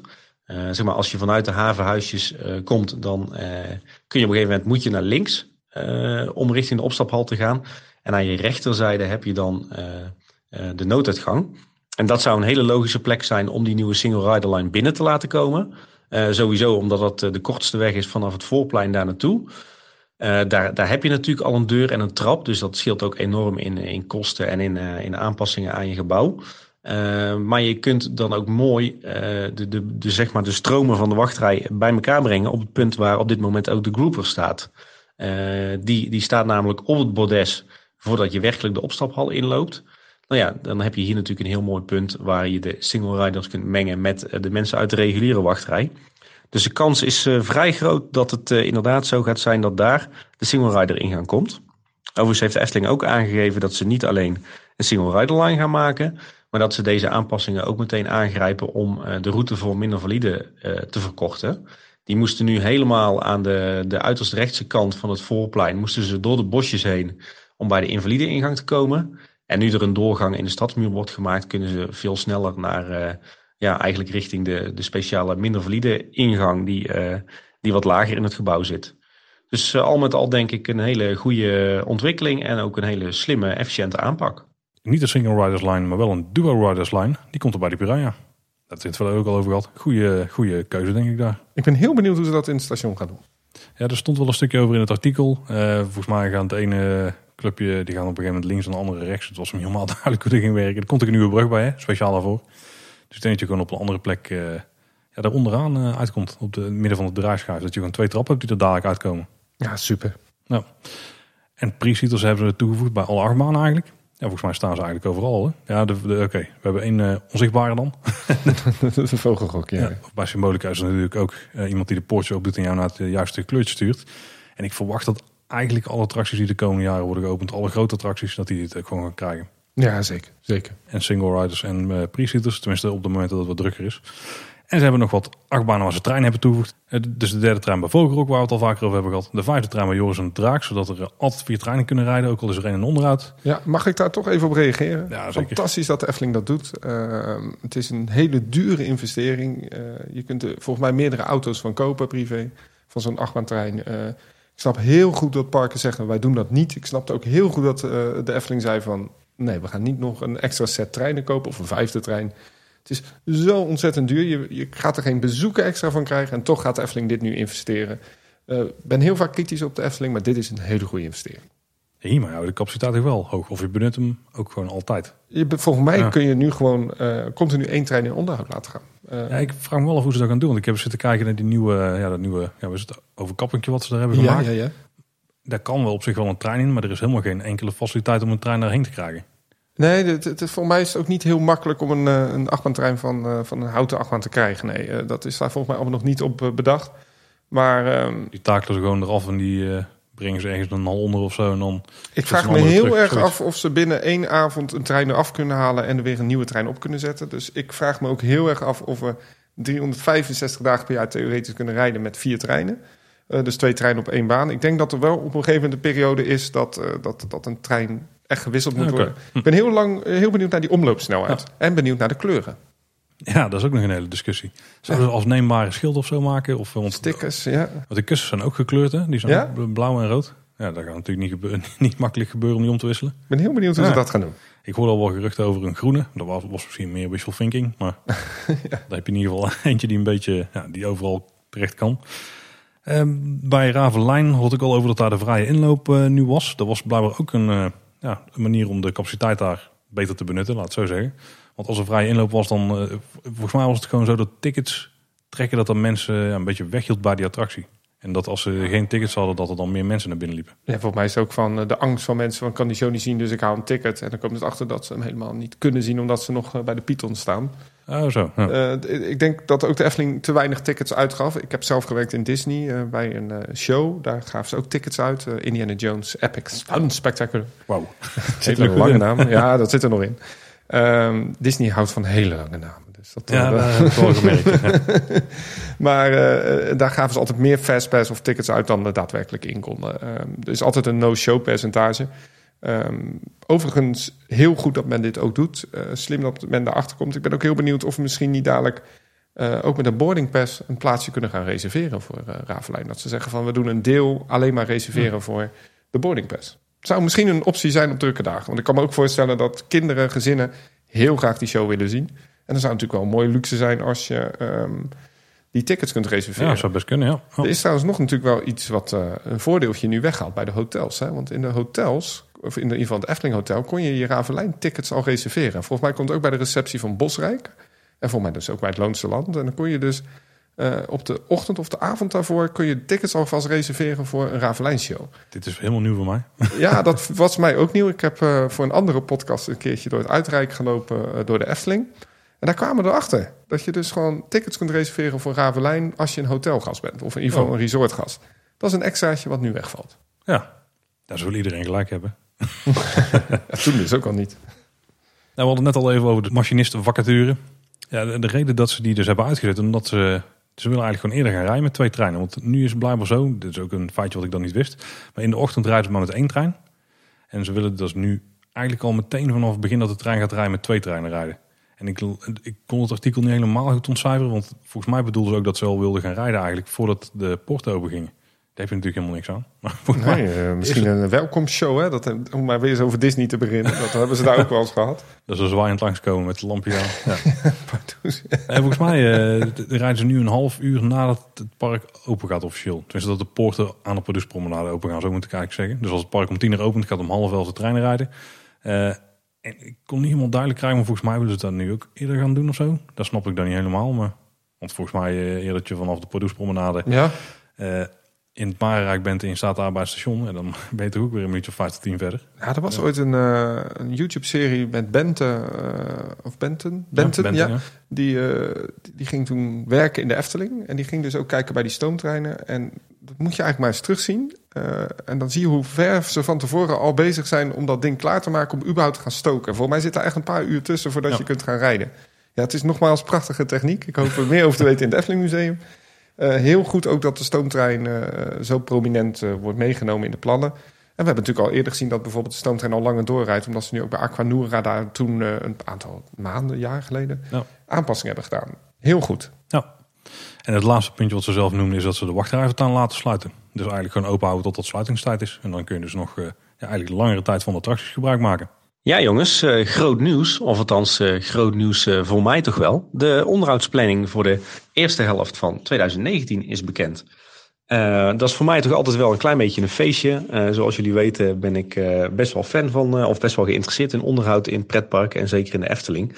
En zo'n onderhoudsplanning is dan altijd super interessant. Niet alleen om te zien welke attractie wanneer dicht gaat, maar vooral ook om te speculeren wat er precies gaat gebeuren bij al die attracties. Uh, dus daar zal ik een poging toe doen. En uh, ja, voel je vrij om, om in mijn voiceclipje te, te knippen, zodat jullie ook mee kunnen discussiëren. De eerste attractie die op de lijst staat is natuurlijk de Piranha. Die sloot op 14 november 2018 en die, gaat, die blijft gesloten tot en met 29 maart van dit jaar. dat is natuurlijk de gebruikelijke wintersluiting. Nou ja, wat daar gebeurt, groot, voor een groot gedeelte weten we dat natuurlijk al. De shelters zijn gebouwd in de wachtrij. overigens ook een, een speciale shelter voor het personeelslid wat bij de ingang komt te staan. daar, daar is eigenlijk een kleine variant van de shelters gebouwd. Verder wordt er gebouwd aan de Duo Riders Line. Daar hebben jullie het al eerder over gehad in deze aflevering. En uh, de vrienden van Eftelingsestraat.nl volgens mij, die hadden aan de achterzijde van de Piranha ook iets interessants gespot op de, het rotswerk. Daar was namelijk ja, met, met een soort spuitbusverf een hele vlakverdeling gemaakt met allerlei getalletjes erin. alsof daar iemand boterkaas en eieren aan het spelen was. En de vraag is even wat daar gaat gebeuren. Wat ik denk, als ik het zo zie, is dat daar misschien een, een testje gaande is met, met een bepaald soort verf of een bepaald soort kunststof. en dat er daarom met een bepaalde vlakverdeling wordt gewerkt. ik kan me anders namelijk niet echt voorstellen waarom dat daar gebeurt.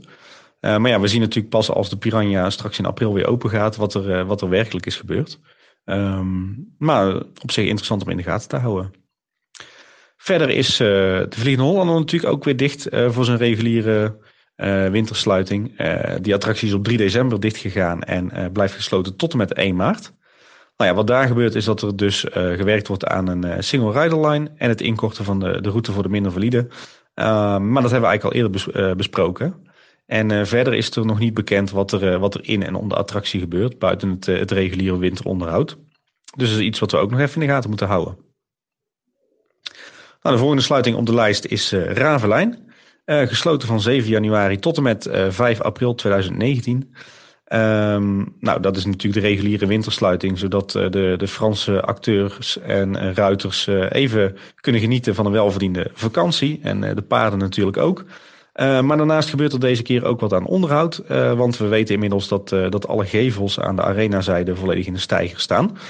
En uh, de collega's van Eftelingse Straat hebben even geïnformeerd. En het blijkt dat, uh, dat de gevels uh, hersteld zullen gaan worden waar nodig. en dat ze een volledige schilderbeurt krijgen. En dat er ook nog wat wordt gewerkt aan het, het, het groen, groen aan de gevels. Um, op zich heel interessant om te zien. Aangezien voor mijn gevoel ja, de gevels van Ravelijn prima in orde waren. Dus eigenlijk weer een bevestiging van het feit dat, dat de Efteling steeds meer doet aan preventief onderhoud. En het ervoor zorgt dat dat schilderwerk en dergelijke niet uh, gaat vervallen in een staat die je eigenlijk niet wil hebben. Maar ze zijn, uh, ze zijn dat voor. Uh, er is nog niet bekend of dat de Ravelijn ook aan de, de wegzijde onderhoud krijgt. dus dat is iets om nog in de gaten te houden. Nou, daarna staan er de, eigenlijk de twee grootste onderhoudsklussen op de planning. Ook de twee interessantste voor ons. allereerst de Oude Tuffelbaan. die gaat sluiten op 18 februari. En uh, die blijft dan gesloten tot en met 19 april. Uh, dus ruim twee maanden. En we weten inmiddels dat het is voor een uh, grote onderhoudsbeurt. Omdat de, de huidige, het huidige attractietype niet meer geleverd wordt. En dus ook eigenlijk niet meer te onderhouden is. betekent dat er ja, zeg maar in de, een totaal nieuwe attractie komt eigenlijk. Of althans, er, er komen nieuwe voertuigen. Betekent daarmee ook dat er een, een nieuwe baan zal komen. en een nieuwe besturing. Uh, dus eigenlijk rijden we straks in een uh, compleet vernieuwde attractie in, uh, in een bestaand decor en bestaande landscaping. Alhoewel er ook geruchten gaan dat de Efteling her en der wat zaken zal gaan aanpassen. en wellicht wat meer thematisering gaat toevoegen. dus ja, daar is nog weinig over bekend. Wellicht dat we daar over een tijdje op de blog wat, wat tekeningen van gaan zien. Maar het is in ieder geval goed om te weten dat, dat de oude tuffers dus behouden blijven voor de toekomst. Ondanks dat het ja, dat het attractietype niet meer onderhouden kan worden. Uh, maar de Efteling kiest er dus voor om het uh, gelijk goed aan te pakken. En voor een totaal, uh, ja, totaal vernieuwde attractie te kiezen, zeg maar. Nou ja, de, de langste en misschien wel meest interessantste onderhoudsklus die volgt daarna. Carnaval Festival gaat op 4 maart dicht. En blijft gesloten tot en met 31 mei. dus dat is drie maanden. En dat is voor de Efteling begrippen uitzonderlijk lang. Uh, ik geloof dat alleen Droomvlucht ooit uh, zo lang dicht was uh, toen de baan helemaal werd versterkt. dus dat betekent dat dit een onderhoudsklus is met behoorlijk wat impact. Er is nog weinig bekend over wat er precies gaat gebeuren met Carnaval Festival. er gaan in ieder geval geruchten dat de attractie een nieuw dak krijgt. Um, en wat we ook hebben opgevangen is dat, er, dat het verder vooral veel bouwkundig onderhoud zal zijn en installatietechnisch onderhoud. Um, dus dat wellicht het, nieuwe dak ook geïsoleerd gaat zijn. Uh, dat er wat met de gevels gebeurt. Uh, dat er verlichting wordt vervangen. Uh, dat er wordt gewerkt aan de, de brandveiligheidsinstallaties. dat er wordt gewerkt aan ventilatie, aan allerlei soorten technische voorzieningen. Um, maar er is dus uh, nog niet bekend of er werkelijk wat gaat gebeuren met de show, met de decoratie en de poppen. Mijn verwachting is eerlijk gezegd ook dat dat, dat het gering zal zijn. Ik denk niet dat we erop op moeten hopen dat, uh, dat alle poppen in één keer vervangen zullen worden of alle decors. Ehm, wat ook gerucht dat ook gaat, is dat ook de, de baan eh, vervangen gaat worden. Dus zeg maar de, de motoren die, de, die, die het, eh, de karretjes aandrijven. En dat er misschien ook eh, aanpassingen zullen worden gedaan aan de karretjes. zeker omdat er één of twee momenteel verdwenen zijn. dus mogelijk wordt daar alvast wat mee geëxperimenteerd. Maar al met al een enorm lange onderhoudsperiode dus. En zeker iets om in de gaten te houden. Ehm, ja, de vraag is even wat er precies gaat gebeuren. Maar we proberen daar een vinger aan de puls te houden. En wie weet dat er ook wel weer heel veel informatie op de Efteling blog verschijnt. In ieder geval zeer interessant en ja, ook wel potentieel. ja, het biedt ook wel mogelijkheden voor wellicht toch ook leuke en interessante verbeteringen. Nou, tot slot staan er nog een aantal kortere sluitingen op de lijst. Joris en de Draak die gaat dicht op 13 en 14 maart. op zich een hele korte periode. maar in maart wordt ook de vijfde trein geïntroduceerd. En wellicht wordt op dat moment er één treintje uit de baan gehaald en de nieuwe trein op de baan gezet. En is daarom de attractie twee dagen dicht. Verder is de Python dicht van 18 tot en met 22 maart en Baron 1898 van 1 tot en met 5 april. Nou, dat zijn iedere keer sluitingen van vijf werkdagen. Ja, wat gebeurt daar dan? Het, het zal met name klein onderhoud zijn. Hè? Inspectie van de baan, inspectie van de moeren wellicht. wat smeren, wat reinigen, kleine klusjes. Ik denk niet dat we heel veel meer moeten verwachten. Hetzelfde geldt voor Aquanura. Die is dicht van 8 april tot en met 12 april. En de Gondoletta van 6 mei tot en met 10 mei. Ook weer onderhoudsperiodes van vijf werkdagen. Ik denk dat we bij Aquanura zullen zien dat de vijver wordt leeggepompt en, en een keer een grote schoonmaakbeurt krijgt. En dat wellicht bij de gondoletta er weer onderhoud zal worden uitgevoerd aan zaken als de draaischijven onder water en de grote draaischijf zelf. Allemaal niet, niks heel spannends. Een laatste klus die recent nog op de onderhoudslijst is gezet, is Joris en de Draak voor een tweede keer. En die is gesloten van 13 mei tot en met 7 juni. Toch een week of drie, vier. Dus ik vermoed dat daar ja, onderhoud gaat worden gepleegd aan de houtconstructie en de baan. Nou ja, al met al een, een interessante onderhoudsplanning voor de eerste helft van dit jaar. En ja, ik heb er zin in om dat te gaan volgen. Ja, de interessantste zaken die ze gaan sluiten voor onderhoud. Dat zijn denk ik toch de oude Tuffelbaan en Carnaval Festival. Wat vinden wij daarvan? Hebben we daar, uh, wat denken we vooral dat er gaat gebeuren? Want dat is eigenlijk de grote vraag. Hè? Nou ja, de oude Tuffel wordt volgens mij volledig vernieuwd. Uh, is ook heel erg nodig. Voor mij is de track uh, her en der zodanig verzakt. Zijn de bruggetjes nu zodanig uitgesleten. en voor mij had Ramon op Twitter wel eens laten weten hoeveel uh, karretjes er nog daadwerkelijk rijden. Ja, nog maar 13 of zo. Ja, heel weinig, ja. Um, heel goed dat men beseft, het is een hele populaire attractie. Een van de weinige, nou, een van de twee echte familieattracties in, in dit gedeelte van het park. Heel goed dat men dat aanpast. Um, ik heb via via gehoord dat Mak het gewoon weer gaat herstellen. Um, en ik heb ook een klein nieuwtje. Uh, over de dingen. Wat overigens dus niet doorgaat. Maar uh, ik heb via via ook gehoord dat de Efteling een offerte heeft aangevraagd om het interactief te maken. Dat gaat niet door. Uh, of dat nou vanwege bezuiniging is of vanwege andere dingen. Eigenlijk een heel duf nieuwtje dus. Maar ze hebben ooit wel in dat hele ontwerpproces onderzocht, kan je zeggen, of er iets interactiefs moet worden gedaan. Okay. Wat die interactiviteit is, geen idee. het sturen telt er even, overigens niet in mee. Ja, en tuteren ook niet. Tuteren ook niet. Nee. Ik ben heel benieuwd uh, wat ze gaan doen. En um, waar ik eigenlijk heel erg benieuwd naar ben, is uh, hoe de tuffetjes eruit komen te zien. Gaan ze ja. voor het standaard uh, ontwerp van Mak? Of gaan ze zoals Lieseberg dat heeft gedaan, echt allemaal verschillende autootjes ontwerpen in de stijl van waar die attractie staat? In Lieseberg zijn dat allemaal oude vrachtwagentjes met van melkkannen erop. allemaal echt elk karretje is anders. Um, en ik hoop eigenlijk dat Efteling creatief genoeg is om eens een keer daar eens kritisch naar te kijken. Kunnen we niet allemaal verschillende karretjes erop zetten? Of iets meer in het thema uh, van de oude tuffen. Al echt allemaal verschillende wagentjes. Ik ben ook wel benieuwd wat ze gaan doen. Want weet jij dat bij andere parken die een mak uh, ja, tuffers hebben, zeg maar... Of dat die capaciteit technisch beter in elkaar zaten dan de oude tuffers. Want de capaciteit daar was wel een beetje. Ook omdat instappen wel lastig was, denk ik. Voor al die lange Nederlanders. Ja, het, het blijft een populaire attractie omdat iedereen erin mag natuurlijk. Um, ik weet wel dat in Liseberg die dingen zijn vernieuwd. Uh, dat men daar de capaciteit wel ietsje hoger heeft kunnen krijgen. Maar doordat die karretjes dus nu zo prominent staan en uh, uh, zo mooi eruit zien, gaan er meer mensen in. nog meer mensen. Het wordt er wacht eigenlijk nog langer. Um, ik, ik, denk dat het ene enige mogelijkheid om dat ding echt continu te kunnen laten laden is met een moving walkway. Oh, ja. Maar ik heb die nog nooit gezien bij dit soort type attracties. Nee, zie ik ook niet direct gebeuren, nee. Nee, het grote probleem is natuurlijk het instappen van kinderen. Eigenlijk min of meer hetzelfde probleem als bij het carnavalfestivalen. Ja, alleen hier is het iets lastiger om erin te komen. Want je moet er wel eh, je moet een paar stapjes nemen. Ja, zeker. Best uh, hoog vanaf de grond eigenlijk toch? Misschien Ja. dus dat soort dingen gaan aanpassen. Ik eh, ben benieuwd. En misschien, kijk, wat ik hoop dat de Efteling ook eens wat vaker doen, is wat dingen aanpassen voor minder valide. Eh, misschien is er ook wel een karretje waar je gewoon met je rolstoel in kan rijden. Ze bestaan, hè? Ik zit nu in één keer te denken dat er... Zouden ze een wissel kunnen maken voor om het instappen wat sneller te laten gaan? Dat zou ook nog kunnen, een dubbel eh, station. Ik weet niet. Kijk, ik- eh, die zitten vast aan de rails, hè, die karretjes. Dus het is best moeilijk misschien om dat te fixen. ja, de vraag is, er is voor mij ook geen bouwvergunning of iets uitgelekt hè, met een nieuwe Ja, layout. nee. En op het moment dat je natuurlijk structurele veranderingen gaat eh, maken, dus je gaat niet de trek vervangen, maar je gaat echt een nieuwe trek neerleggen op een andere route, ja, dan moet je daar een vergunning voor aanvragen. Ja, en het is 18 februari, dus dan had hij al aangevraagd moeten zijn. Het moet zes weken van tevoren, als hij dan ook goedgekeurd moet worden. Ja, nou ja, dus dat doet me denken dat we gewoon het oude tuffe gaan zien zoals die was. Misschien andere karretjes. eh, ja, sowieso andere karretjes. natuurlijk. Nieuwe, nieuwe treintjes komen erop. Maar ik ben benieuwd hoe dat eruit gaat zien. En eh, wat we dan natuurlijk ook kunnen doen, is de wachtrij verlengen. Want dat is wel echt nodig. Want nu staat hij vaak tot aan... eh ja, tot dat aan- is waar ja, ook, ja. ja. Eigenlijk op heel dat voorpleintje hè, voor... eh, Ja, het zou eh, een beetje de piranha-oplossing, hè? De, de, de, de nieuwe palenkoortjes. Oh ja, dat zou natuurlijk ook kunnen. Maar ik denk dat ze daar wel iets permanents mogen doen hoor.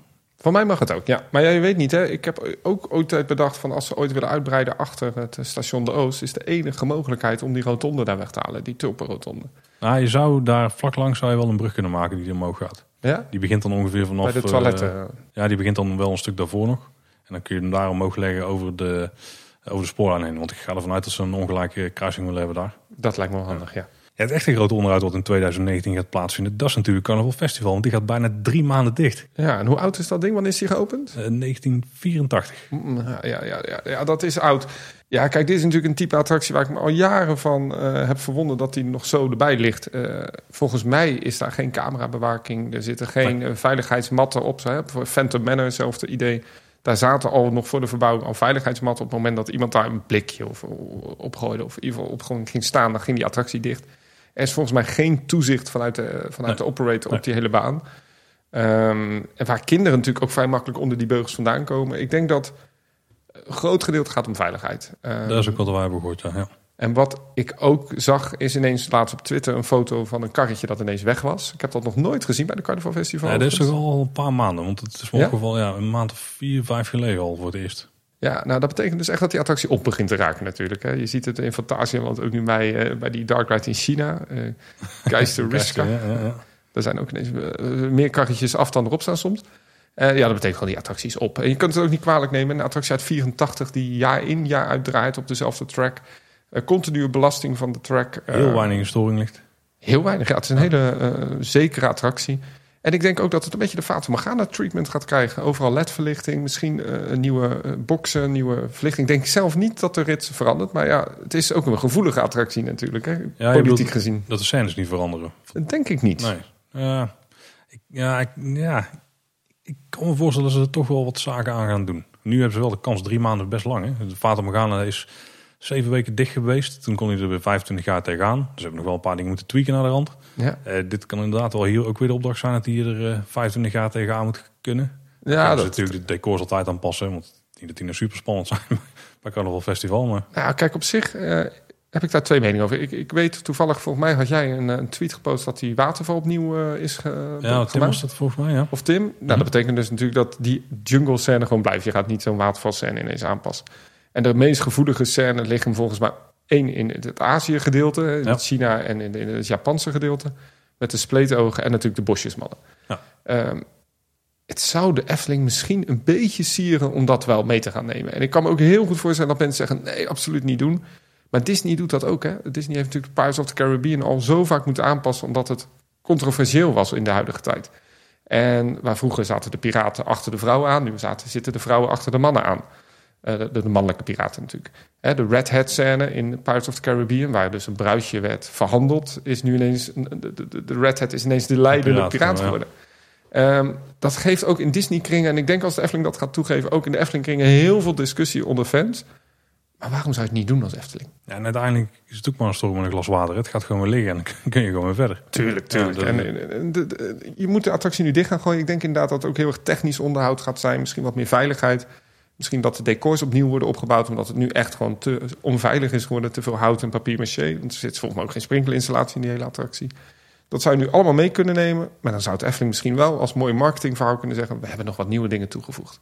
Ja, daar hebben ze bij Fata Morgana wel gedaan. Een paar nieuwe effecten en zo. Ja, maar dan heb je natuurlijk wel een verhaal naar je fans... naar je, naar je mensen toe van... Hè, we hebben eigenlijk heel saai onderhoud gedaan voor het oog. Technisch onderhoud. Maar we gaan het nu even in de markt zetten... als we hebben echt gave dingen toegevoegd. Ja, kijk naar Vogelrok. Dat is misschien wel het beste voorbeeld. Ja, vind je dat echt een plus? Ik vind het wel beter dan dat het was, ja. Het voegt wel iets toe. Het enige wat ik daar niet direct een verbetering vind... is het geluidseffect van die, eh ja, van die sterrenhemel. Het slaat gewoon nergens op. Verder vind ik het best wel geslaagd, ja. ja. Nou, ik moet heel eerlijk zeggen, ik heb de vogel ook nog niet in de huidige vorm gedaan. Maar wat ik zie is dat Efteling daar wel dingetjes toevoegt. Ik vind het ook heel goed dat de Efteling zegt, we gaan die attractie niet helemaal weer verbouwen. We gaan er niet heel veel geld meer in stoppen. Waarom zou je dat nog doen? Stop dat geld gewoon in nieuwe attracties. En voor mij hoeft die Carnival Festival ook echt niet compleet nieuw te worden of vernieuwd te worden. Maar een paar kleine dingetjes om dat ding net wat beter te maken. Misschien de capaciteit beter te benutten. Door die steile trap weg te halen en daar iets op te verzinnen. Eh, Je weet het niet. Dat zou ook niet verkeerd zijn, nee. Daar kunnen ze in drie maanden kunnen ze nog iets voor betekenen, ja. Maar nogmaals, ik temper mijn verwachting een beetje dat het eh, voornamelijk technisch onderhoud gaat zijn. En mag ik nog één wenslijstje doorgeven? Zeker, zeker. Daar zijn we voor. Airconditioning. Ja, Tim zijn verwachting is dat ze volgens mij ook van alles aan het dak gaan doen... en dat ze die flink gaan isoleren en de wanden mogelijk ook. Dan zou het ook wel kunnen. Ik weet dat Tim dit gaat luisteren. Ik hoop dat je gelijk hebt, Tim. Ja, naast dat Tim van alles van vrouw Holle vindt... en het huisje wat er staat en vooral de staat waar hij zich in verkeert... is hij ook nog eventjes naar Pannendroom geweest... en heeft hij daar door de dierenwereld rondgelopen. Daar ben ik zo lang niet geweest. ik ben heel benieuwd wat Tim daarvan vindt. Ja, leuk dat jullie het eh, over ehm, de dierenwereld hebben in Pandadroom. Eh, dat is een plek waar ik eh, normaal gesproken niet veel te vinden ben, op zijn zachtst gezegd. Eigenlijk geldt dat voor zo'n beetje heel Pandadroom. Ehm, maar toevallig ben ik laatst een keer een ochtend in de dierenwereld beland. Ik heb daar wat gespeeld met mijn dochtertje en we hebben daar geluncht. En ik moet zeggen, ik schrok eigenlijk ook wel van de staat van die ruimte hoor. Ik moet zeggen, eh, ik was er lang niet geweest, maar het viel me op dat het er erg donker was. En dat er ook een beetje een, eh, ja, er hing een beetje een, eh, een naargeestige sfeer leek het wel. Best, eh, best smerig inderdaad, best stoffig. Ehm, verschillende speeltoestellen eh, uitgeprobeerd. Ehm, ja, misschien was mijn dochter er eigenlijk wat te jong voor. Maar als je bijvoorbeeld het, eh, het klimtoestel bij de, bij de orang-oetang bekijkt. Ja, daar zijn we opgeklommen. Maar eigenlijk gaandeweg kwamen we daarachter dat het, dat het gewoon helemaal niet gemaakt is voor zulke jonge kinderen. En dat voelde ook allemaal heel erg ja, oncomfortabel en onveilig. Eh, nou ja, wat ik zeg, misschien was het te jong ervoor. Eh, maar ik zag ook geen bordjes daarbij staan. Dus eh, ja, ik vond daar een hele, ja, een hele nare sfeer hangen die ik niet binnen de Efteling vind passen. Dus in die zin ja, hoop ik dat hier, hier binnenkort ook wat gaat gebeuren. Ik zal er in ieder geval niet, niet snel naar terug gaan. Ik, eh, ik ga dan toch liever naar, eh, naar kindervreugd of eh, voor mijn part naar kleuterhof om eh, te spelen met de kleine. Ja, maar toch is de dierenwereld wel handig als het regent. Ik vind het concept van Pandadroom eigenlijk ook helemaal niet slecht. Het is een hele slimme attractie. Het is, eh, alles zit erin. Je hebt horeca, toiletten, het is overdekt. eh, het is, eh, ja, je, het is kou, dan kan je daarheen. Is het te warm, ga je erheen. Eh, die hele speeltuin, ik vind het een hele goede toevoeging. De uitvoering kun je het over hebben. Is smaak. Eh, ik vind het ook niet passen in de Efteling. Nou, en ook die is- wel weer verouderd, ook met die interactieve elementjes links en rechts en zo. Het is zorgwekkend hoe het erbij ligt. En ik ben het helemaal eens met Tim dat, het, dat je daar je kinderen niet meer meeneemt. Maar ik denk wel dat het een reden heeft dat het zo is. Ik kan me niet voorstellen dat Pandadroom nog in huidige vorm lang blijft bestaan. Nee, nee, we hebben al vaker gezegd, als je erin wil gaan, ga absoluut nu nog. Want ik verwacht dat zodra Max Moritz opent, dat de Pandadroom sluit. Ja. Ja. dat denk ik zeker. Ik denk ook dat de Efteling ook heel goed weet dat de kwaliteit daar niet is. Maar ik heb ook het idee dat zolang de Wereld Natuurfonds blijft betalen, dat dat, dat goed gaat. Hoor. Ja, die betaalt tot 2020, hè, dus dat komt perfect uit. Ja, komt heel precies uit zelfs. Ja, ik, ik, heb dat ook gehoord. Doe die attractie zeker. En ik denk dat de Efteling daar niet heel veel geld meer in gaat investeren. Meestal is het eerste teken aan de wand is achterstallig onderhoud. Ja, de vorige keer in onze nieuwsaflevering hadden we het ook uitgebreid over het, eh, het Sprookjesmuseum, oftewel het, eh, het huisje van vrouw Holle. Ehm, daar was wat, eh, wat scheurvorming in, eh, in te zien. En daarnaast viel ook op dat eh, de overkragingen van het gebouwtje, dus zeg maar de gedeeltes die overhangen, dat die ineens ondersteund waren met, met houten palen. Nou, het blijkt dat er toch meer aan de hand is. Inmiddels is op een aantal plekken ook het stukwerk losgekomen. Is de, de scheurvorming voor het gevoel toch wat erger geworden. En de Efteling heeft, heeft op één plek om die scheurvorming ja, te verbergen er ook wat beplanting voor gezet. Nou ja, op zich die scheurvorming eh, op zichzelf is, eh, hoeft niet per se spannend te zijn. Ehm, maar ik moet zeggen dat ik het toch wel zorgwekkend vind. Uh, want als je, als je ziet hoe ernstig de scheurvorming is, die nu ineens is opgetreden, dan duidt dat er toch op dat er sprake is van of een constructief gebrek of van een, een verzakking van de fundering. Um, of een combinatie van die beide. En het, het lijkt erop dat dat nu dus ook aan de hand is. anders kan, je, kan ik niet verklaren dat er in één keer zoveel scheurvorming in zo'n pand ontstaat. Nou ja, ik, heb toch het idee dat dat het gevolg is van die graafwerkzaamheden die we daar vorig jaar hebben gezien. En er zijn allerlei netwerkkabels naar binnen gebracht in het oude Sprookjesmuseum. En mogelijk heeft dat graafwerk ervoor gezorgd dat het huisje is gaan verzakken. nou goed, dat, dat kan gebeuren. Dat, dat doet natuurlijk niemand bewust. Maar het is wel ongelooflijk zonde als je weet dat dit gebouwtje een van de oudste, zo niet het oudste nog bestaande bouwwerk is in de Efteling. want het stamt uit de jaren 40. Uh, nou goed, ja, dit, dit, draag je, dit draai je niet meer terug. Natuurlijk is het een optie om de, de fundering zoals die nu is, om die te fixeren. Dus om ervoor te zorgen dat die niet nog verder verzakt en dan te gaan herstellen.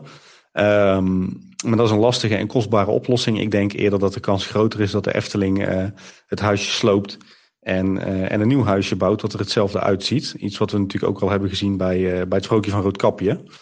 Um, ergens heel jammer uit, uit cultuurhistorisch oogpunt natuurlijk. Aan de andere kant, het was een wijsman die ooit zei: It's not a museum. En dat, dat geldt natuurlijk ook, ook voor de Efteling. dus ja, erg zonde van het gebouwtje. Maar ik ben bang dat hier toch behoorlijk wat werkzaamheden nodig zijn om het weer in een goede staat te herstellen. maar laten we het hopen dat ik het aan het foute eind heb en dat het met een beetje, beetje specie opgelost is we, ja, we, we, moeten ook dit weer goed in de gaten gaan houden. We kregen nog van Ramon te horen dat het hekje bij Roodkapje weer is hersteld. Tim die meldde dat hij nogal los stond. Ik heb het zelf ook keer meegemaakt, maar hij is weer eh, flink aangedraaid. Eh, ik weet niet of het permanent gefixt is, maar op dit moment kun je in ieder geval weer eh, tegen het hekje aanleunen zonder dat je dan bij Roodkapje aan de voeten ligt. En is er nog wat, wat klein onderhoudsnieuws om mee af te sluiten. zo viel op dat de kleine zweefmolen helemaal is gestript. en collega's die hadden het erover dat er mogelijk een technisch probleem zou zijn. Nou ja, laten we hopen dat die, eh, dat die snel weer wordt opgebouwd. Uh, heel positief om te zien is dat de molen van het Larikoekenhuis in het Lavelaar eindelijk weer draait. Die heeft heel lang stilgestaan, misschien zelfs wel langer dan een jaar. En die doet het weer netjes, dus dat was heel tof om te zien. Dus complimenten Efteling voor, voor, voor het oplossen van dit soort zaken. Hebben we nog een paar kort nieuwszaken. Loopings melden dat de Efteling sinds een tijdje VOG's aanvraagt voor alle medewerkers. Volgens mij is het een best wel normaal, ja, normale gang van zaken voor heel veel bedrijven tegenwoordig. Ja, even voor de luisteraars die niet weten wat een VOG is. Een uh, verklaring omtrent goed gedrag. Ja, om, omtrent gedrag zelfs. Het nou, niet, toch? Het, ja, het hoeft niet eens goed te zijn. Een nou, verklaring van goed gedrag is volgens mij een beetje te spreken. Of omtrent goed gedrag. Nou ja, ik weet niet precies. Uh... Ik moet wel eens aanvragen. Dus het is, uh, zeker Echt waar? Ja. Krijg je ze? Ik, ik krijg zo, ja. ja, ja, ja, Nee, ja, kijk, je, je werkt in een pretpark uh, met kinderen en uh, je kan het beter maar better safe than sorry. Ja, je, maar als je een VOG aanvraagt, dan kun je aangeven voor welke uh, categorieën van zaken je ja, wil terugkrijgen of dat het allemaal goed zit. Dus je hoeft hier waarschijnlijk niet spectaculaire cybercriminaliteit zaken te checken of zo. Of, of, of bepaalde verkeersovertredingen of zo. Nou ja, logisch. Weet je, je werkt in een pretpark met kinderen. Um, en nogmaals, better safe than sorry. Ja. Er was wel onduidelijkheid. En dit is misschien wel een puntje waar jij mooi kan bijspringen. Over hoe je nu met je Efteling abonnement Fantasialand gratis in kunt. Want ik heb geleerd ooit of gehoord dat het twee keer per jaar was. Maar dat blijkt niet helemaal zo te zijn. Afhankelijk van hoe je het berekent. Ja, het is ongelooflijk. Eh, de, ik, de nieuwe uitleg, ik snap het nog minder dan het was. Het is, eh, men zegt het is duidelijker. En nou, ik vind het ontzettend ingewikkeld. Van, ik weet niet bij wie het ligt. Ik denk bij Fantasialand. Uh, dat Fantasieland het ongelooflijk ingewikkeld maakt. Maak er gewoon één keer per kalenderjaar van. Kom op, dat is wel makkelijk. Het is toch het makkelijkste. Uh, maar blijkbaar is het één keer per seizoen. Uh, en dan geldt het wintertraum als het oude seizoen. Ik denk dat dat een beetje de, de, de, de huidige vorm is. Even kijken, hebben we hem dan goed ontcijferd? Nou ja, het is een, een beetje een puzzel. Je mag één keer gratis toegang in zomerseizoen 2018 of wintertraum 1819. Dus ik denk dat je de hele wintertraum bij het vorige seizoen moet rekenen. Dus nu is het uh, januari, dus dan is het nog seizoen 2018. Dus technisch gezien, als je naar de wintertraum van 2018 en 2019 gaat, dan mag je nog een keer in het zomerseizoen in 2019. Ja. Maar dan mag je niet meer in de wintertraum van 2019 en 2020. Omdat je dus al in de zomer bent geweest. Precies. En je mag ook niet eh, dan naar, de, naar het zomerseizoen 2018. Omdat je al in de wintertrouw 2018, 2019 ja, niet bent geweest. Het is een beetje tijdreizen, maar je snapt wat ik bedoel. Hè? Nee, je mag dus één keer per seizoen, Ja. je eigenlijk denken. En je moet eigenlijk wachten tot het park weer een seizoensluiting gaat. Dat is het nieuwe seizoen. Ik vraag me trouwens nu wel af hoe dat bij Europa Park zit. Want ik bezocht het park eh, eh, begin januari met mijn Efteling abonnement. Maar ik vraag me nu af of dat nou ook eh, voor het kalenderjaar is... of alleen maar voor het oude seizoen. Heb ik trouwens nog wel iets te, over te melden... Over de- als we nu toch over abonnementen zijn en voordeeltjes. Eh Europa Park controleert niet meer op de foutjes. De Efteling geeft ze nog wel uit, maar wij gingen naar Europa Park... en we konden daar gewoon ons Efteling abonnement laten scannen... En dat heeft eh, als gevolg omdat eh, alle parken tegenwoordig één systeem draaien. Of in ieder geval Oh. één computer hebben in een park waarin alle pasjes kunnen worden gescand. Dus van Liseberg, van, van de Efteling. Europa Park heeft dat ook. De Efteling heeft dat nu ook. En ik weet ook dat Fantasieland dat bij de zogenaamde Sondenkassa, dus bij de hoofdingang, daar staat die computer ook. Dat is een website. Ik, ik heb een beetje over het eh, het luikje gekeken. Ik vond het wel interessant. Het is een, eh, een online website waarin eh, men de pasjes kunt scannen. En alle pasjes van alle parken die meedoen met die voordeeltjes zijn daarin gelinkt. Oké, dus tof. de voucher geven ze volgens mij nog wel uit. Uh, maar toen ik er was, werd er niet meer naar gevraagd bij Europa Park. Omdat ze het gewoon simpelweg scannen. Daarmee is het fraudekans natuurlijk nul. Want uh, nu is je pasje daadwerkelijk gescand.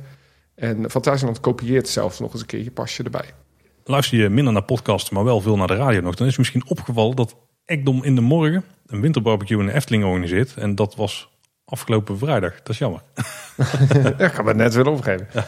Ja, het kan nog. Op het moment van opname kan het nog. Ja, op het moment van opname kan nog. Ja, je moet wel vroeg op. Zes uur s ochtends. Ja, Unieke kans al. Uh, doe me een beetje denken aan de, de actie douwtrappen in de Efteling. Oeh, dat is lang geleden. Ja, dat was ook zo vroeg volgens mij. Ja, want dan kon je gratis naar binnen op 1 april. Hè? Dat was mij 1 april. Ja, ja, ja was voor start van het uh, zomerseizoen. Of in ieder geval van het seizoen. En dan kreeg je een toertje van Mario Deeltjes volgens mij. Ja, dat was best wel... Bekend van uh, kleine boodschappen. Reclame. ja. Nou, het viel een aantal mensen ook op dat Langnek inmiddels een bijpassende sjaal heeft bij zijn uh, schitterend. Dus ik zit hier airquotes te maken. Gebreide muts. Hij heeft daar een sjaal nu bij. En zit die uh, ijspegel er nog op? op die zit er nog steeds op. Oh, okay. We hebben het in onze podcast al uh, tijden ook uh, in de zijlijn over uh, Vermilion Energy. Het Canadese bedrijf wat in onze regio al aardig wat jaartjes naar, naar gas boort. die hebben recent een vergunning aangevraagd om die boringen verder op te voeren. Onder meer door middel van fracking. Dat is op zijn zachtst gezegd toch een dubieuze vorm van aardgaswinning. Waarbij er een hoop chemicaliën de bodem in worden gejaagd. Nou ja, ondanks alle protesten hebben ze toch een vergunning gekregen. En er zijn nu al heel wat partijen die hebben aangegeven om daar uh, bezwaar tegen in te dienen bij de Raad van State. Uh, zo las ik vanochtend uh, dat Natuurmonumenten en de Brabantse Milieufederatie dat gaan doen. Um, de Efteling heeft nu ook zelf aangegeven dat ze zelfstandig ook een bezwaar hiertegen gaan indienen bij de Ra Raad van State. En dat gaan ze doen, zo zeggen ze zelf, vanwege zorgen om veiligheid, natuur en milieu. En het ontbreken van aandacht voor duurzame alternatieven in de plannen. En uh, ze voegen daar nog aan toe dat de Efteling daar namelijk zelf wel een heleboel aandacht voor hebben. Nou is dat laatste is natuurlijk discutabel, maar ik denk dat het op zichzelf goed is dat de Efteling ook een statement maakt richting Den Haag. dat, dit, dat we dit echt niet moeten willen in onze ja, toch hele mooie regio. Dus ja, laten we het op de voet volgen wat hiermee gaat gebeuren. Ja, Loopings die bracht op Twitter nog een klein nieuwtje over het entertainment. Nou, misschien een klein nieuwtje, misschien wel een grote. Die kwamen ermee dat er voortaan meer ja, hoe moeten we het doen? Enkele entertainers, gewoon, gewoon eenmansshowtjes worden gegeven door het park heen. In plaats van de, ja, wat nu eigenlijk vaak gebeurt, de tweemansshows. En hebben het dus vooral volgens mij over de dingen, de, de, de, shows die gebeuren bijvoorbeeld bij het prieltje van de sprookjesprokkelaar. Daar staan s ochtends soms wel eens de sprookjesbosbewoners mm -hmm. klaar. Om een soort teaser te geven voor de sprookjesboomshow, denk ik. Ja, ja. En op het uh, dwarrelplein, ik denk dat het ook daar ook over gaat, dat dat soort entertainment. Dat ze daar uh, meer mensen, ja, meer zonderlingen gaan neerzetten. Ja, en, en, en Loopings zegt, die hebben met de, met de woordvoerder gesproken... dat ze daardoor beter kunnen spreiden, dus meer entertainment kunnen aanbieden. Ja, op meer plekken, dat je er waarschijnlijk meer van ziet, maar ja. wel dus minder volume. Ja. Als dat de reden is, nou laten we voor het gemak uitgaan dat het park daarin uh, helemaal gelijk heeft... dan is dat natuurlijk een hele goede beslissing. Ik vraag me heel erg af hoe dat ook gaat bij, bij de Sprookjesprokkelaar... dat dat echt wel een entertainment act is die afhankelijk is van een tweede ja. persoon. Ik denk dat het daar nog steeds wel is. Want dat is ook een soort aangekondigd showtje. Moeten, ja. Ja, en, en, en in het Sprookjesbos zou dat daar dan ook uh, één persoon zijn? In het theater bedoel je? Ja. Ik denk dat dat soort dat die shows die ook zijn aangegeven met tijden in de app, dat die mm -hmm. nog gewoon blijven zoals ze zijn. Ik denk dat vooral echt die, die ontvangst uh, sprookjesfiguren bij het dwarrelplein zijn. En uh, Ja, misschien met de winter Efteling heb je nu wel die prins en prinses. Want het lijkt me ook sterk dat ze daar nog eentje van gaan doen. Dan valt heel veel verhaal weg. Ja, ja ik, ik, het viel me overigens wel op dat tijdens de winter Efteling door de week er heel weinig entertainment was. Vooral in de weekend en in de vakanties. Uh, voor mij was dat ook wel flink bezuinigd, hè, dat ze niet meer langs de kampvuren rijden. Ik heb ze in ieder geval niet gezien toen ik er was. Ja, de shows in de IJspaleis die zijn er wel. Die zijn er volgens mij twee keer op een dag altijd nog. Misschien zelfs wel drie keer. Ja, meer, volgens mij ja. Uh, maar ik merk wel dat de Efteling een beetje zoekende is naar wat nou het entertainment uh, moet zijn. Wat ik wel heel goed vind is dat nu eindelijk sinds de komst van Symbolica ook uh, Pardoes prominent in het park loopt. Ja, dat is inderdaad heel tof. Veel meet and greets. Ook opviel is dat Pinocchio tegenwoordig het park heen loopt. Of in ieder geval ja, vaak staat. Oh. Ja. En dat is wel een goede eenmans uh, act. Want je hebt gewoon een persoon die staat daar de pop te bedienen, erachter. Maar die kan er gewoon uh, ergens gaan staan. Dan, daar hoeft niet verder een tweede karakter bij te zijn, denk ik. Maar ik denk dat het, uh, dat het ontzettend goed is dat de Efteling kritisch kijkt naar het entertainment. Kan altijd beter. maar ik denk meer zichtbaarheid door het wat meer te spreiden met hetzelfde budget. Ja, waarom niet? Nou. Nog een uh, kleine uitsmijter voor uh, onze luisteraars die, uh, die net als ik ook een Efteling-verzameling hebben. Want op zaterdag 9 maart aanstaande is er weer een verzamelbeurs van Anton Pieck en de Efteling. die verzamelbeurs die is weer in de Pelgrimshoeve in Tilburg, vlakbij het station is dat. En die vindt plaats van 11 tot 3. dus mocht je net als ik Efteling-spulletjes verzamelen, dan ga er zeker naartoe en sla je slag. En dan hebben we nog een paar en dan nog dit, puntjes. De vorige aflevering was natuurlijk ons interview met Marvin van de Hoeven. En uh, daar ging het erover dat zijn uh, een beetje zijn Efteling internetcarrière is gestart met het maken van simulators van uh, Efteling attracties. Oh, ik, ach, hou op. Ik heb die dingen zoveel gespeeld. ja, was ook fan. Die waren zo goed. Nee, op dat moment lekker die Villa Volta showtjes draaien. En, en toen die Vogelrok met die lasershow, de oude wachtrij. Ja, dat waren... Ik, ik, ik, hoop nog ze nog een keertje echt opgeslagen of allemaal naar dat schrijven. Ja, er ze staan nog wel ergens. En volgens mij Marvin ze ook allemaal nog stiekem wel ergens Beetje zoeken. Ja, ja, ja, ja. Geweldig uh, dat men dat heeft gedaan. Maar er is nu dus een, een soort van, uh, ja, hoe moet het noemen, spiritueel opvolger daarvan. En dat is uh, RideSims 2.0. Dat is een website en dan kun je een aantal simulaties draaien, waaronder die van Bron 1898. Ja, het, zijn, uh, het is een oude website. Hè. RideSims 1.0 had meerdere uh, simulators. Uh, die zijn allemaal... zit er helemaal in hoor. Ik het voor mij helemaal nieuw hoor. Dit, dit ja? ja? Oh, maar ik, echt, mijn vrije tijd is er helemaal door opgevreten joh. Niks lekkerder dan een attractie te besturen als je een drukke dag hebt gehad. Echt oprecht heel erg leuk. RideSims 2.0. Ik heb er absoluut geen aandelen in, maar echt heel gaaf om te kijken. Je kunt daarin uh, de baron uh, besturen. Single ridertjes toevoegen, storingen oplossen. Het is zo gedetailleerd. En ze gaan de komende tijd nog meer simulators uh, online zetten. Ook wat oudere, die, die gaan ze weer upgraden. Het is echt heel erg leuk. En leuk dat een van de populairste simulators nu de baron is daar zo. Je ja. kan dat zien. Ja, je hebt volgens mij ook nog Helix ja, uit Lisebergen en... Space Mountain, Splash Mountain en een hele moeilijke... Taron, ja, Taron, ja en, de, en de monorail van Walt Disney World. Maar die is echt heel moeilijk. Is die moeilijk? Ja. Crash voorkomen. Ik denk dat je voorlopig even zoet bent, ja. Oké, okay. je moest een Flash voor installeren volgens mij. Dus daarom heb ik er niet eens heel veel Flash, ja. ja. maar in ieder geval, check het zelf op brightsums.com. Ja, aan het einde van deze aflevering heb ik toch nog eventjes een, een, een ja, een interessant euvel om mee af te sluiten. Um, want volgens mij heb ik een, een ontwerpfoutje ontdekt in de Fata Morgana. Je, zou bijna, je zou het je bijna niet kunnen voorstellen, want die attractie die uh, benadert toch perfectie, denk ik. Ik denk dat we daar allemaal toch wel een beetje hetzelfde over nadenken. maar wat mij opviel, is dat er in de Fata Morgana drie kamelen te vinden zijn. natuurlijk in de, de sectie met de bedelaars en ook op de markt. Ehm, maar wat wil het geval? als je een beetje in de dierenwereld duikt, en dat doe ik toch nog wel eens dan kom je erachter dat de kamelen eigenlijk vooral in, het, in Azië voorkomen. En dat het dromedarissen zijn die, die het Midden-Oosten bevolken. Dus ja, de vraag is even, hadden er niet drie dromedarissen in plaats van kamelen in de Fata Morgana moeten staan? Misschien ook een vraag voor onze luisteraars om daar wat van te vinden. Maar ja, mogelijk hebben we hier toch een, een klein ontwerpfoutje te pakken. Nou Tim, ik weet niet zeker of je gelijk hebt, want ik heb zelf ook even Wikipedia gecheckt. En als het op Wikipedia staat, dan is, dan is, het, het waar. Dan, is het dan, waar. Dan, dan, moet het kloppen. En als het op Eftepedia staat, dan is het echt echt Dan, dan is het driedubbel gevet, ja. Volgens mij kwamen kamelen wel voor in het Midden-Oosten. Want uh, die zijn ooit uh, tot, uh, ja, hoe noemen het noemen, tam gemaakt in Perzië. En daar lag toch echt wel een beetje in die regio. Daar verstrekte zich wel meer uit ook richting Azië. Maar dus technisch gezien zou je denk ik wel kunnen zeggen dat kamelen op zich wel kloppen daar. Maar de echte experts die mogen er iets van vinden. Misschien de mensen van Zoomside. Die Zoomside, ja. ja. Die weten er heel veel van. Dus laat ons even weten, luisteraars. Ik ben er nog niet helemaal over uit. Heb je ook nog iets, Danny? Ja, we, de Winter Efteling die stopt eh, eh, zeer snel. En eh, we hebben natuurlijk dit jaar de toevoeging gezien van dat mini-reuzenrad. ik, ik, daar hebben jullie het ook al over gehad. En ik denk dat het een hele slimme toevoeging is aan dit plein. En ik ben heel erg benieuwd wat de Winter Efteling gaat doen volgend jaar. De Bob is gesloten, is in ombouw.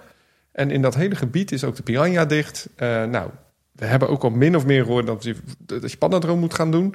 Dus wat er een beetje overblijft is de Fata Morgana. En uh, dichtstbijzijnde andere attractie is het Spookslot. Ja, en dat is wel een heel stuk park waar men uh, een beetje moeite mee gaat hebben natuurlijk volgend jaar. Dat wordt een soort transitieperiode. Het is nog niet zo erg als in de Walt Disney Studios, denk ik. Maar wat uh, ik heel erg benieuwd naar ben, is wat ze gaan doen op dat plein. En wat ik heb gehoord is dat men uh, heel tevreden is over dat reuzenrad wat staat. En dat we daar een uitbreiding van gaan zien volgende uh, Winter Efteling editie. Dus dat kan zijn dat er misschien een andere een nostalgische kermisattractie bij komt. Er komt Tim zijn droom misschien uit. Een wintermarkt, hè? Of een, ja, uh, ja, kermispleintje. Ja. Ik denk dat de Efteling die capaciteit wel nodig gaat hebben in de winter Efteling. Ja, um, het, is dus, het ziet er leuk uit, maar ik denk ook dat het heel erg nodig is. Plus, je sluit een van je populairste attracties. Nogmaals, hij is nu vaker dicht dan open, maar als het goed weer is, dan is dat ding open. Populaire attractie, ja. En dadelijk moet men toch wat met dat plein gaan doen. Ik heb gehoord dat ze in ieder geval uh, tijdens de bouw van Maximus, tijdens de winter Efteling dat willen gaan uitbreiden. Dat zijn ze voornemens. Ja. En dan nog even een huishoudelijke mededeling. Afgelopen weekend was je abonnement één dag niet geldig. Maar komend weekend is die beide dagen niet geldig. Dus uh, ga iets anders doen. Heb je tips, eh, Danny? Ik, uh, op het moment dat dit wordt uitgezonden, zit ik in een vliegtuig naar Dubai. ja, het is beter voor elkaar. En dan, en dan, mag ik dan ook nog even zeggen: wil je dat zien, die vlogs? Ga naar eftelflex.nl. nou, dat net Ja, we zijn een beetje aan het einde van de aflevering nou. En, dus ja, in ieder geval bedankt, Danny. Maar waar kunnen mensen jou online volgen? Als ze dus jouw avonturen bijvoorbeeld in Dubai willen volgen of eigenlijk al die andere pretparken ter wereld? Want je bent al op zoveel plekken geweest. Ja, dat is ongelooflijk. Ik moest laatst mijn harde schijf opruimen en ik kwam erachter hoeveel ik had gedaan verleden jaar. Uh, ik ben te volgen op uh, YouTube, Eftelflex. Maar als je gewoon gaat naar eftelflex.nl, dan uh, kom je er ook. En Eftelflex is zoals Efteling en Flex, het, het, Engelse woord van vlaggen, hè, van Six Flags. Eftelflex.nl. Geeft een beetje aan, aan uit welke tijd jouw username kwam. de opening van Six Flags, ja, dat klopt wel. Ja. En ik kon niet kiezen, dus toen niet. Nu uiteraard Efteling. Ja, kun je me volgen. Je kunt uiteraard ook op Instagram, Danny, laagstreepje Eftelflex. En uh, ik zou het leuk vinden als je mensen abonneert. Ja, ik ga vaak naar de Efteling maak er niet altijd een vlog over, maar uh, ik, ik, hoop altijd wel weer wat nieuws te kunnen laten zien. Ja, dus ga Danny zeker even volgen. Ja, en dankjewel hè, dat ik hier uh, mocht zijn achter deze ja, inmiddels toch wel iconische microfoon. Ja, dat is mooi hè? Ja, er is ook al een hele fotosessie geweest net.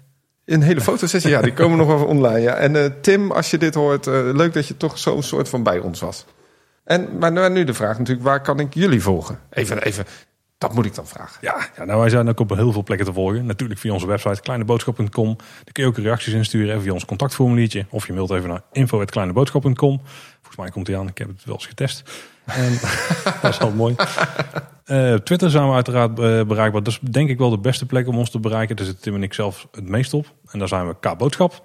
En natuurlijk via Instagram en Facebook. Daar zijn we Kleine Boodschap.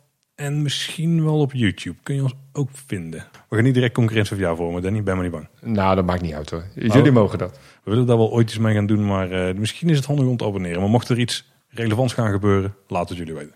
Zeer zeker. Nou, leuk uh, dat ik hier was. Ja, uh, hartstikke bedankt Danny. En we horen binnenkort ook meer van jou. Tenminste, de luisteraars horen nog meer van jou.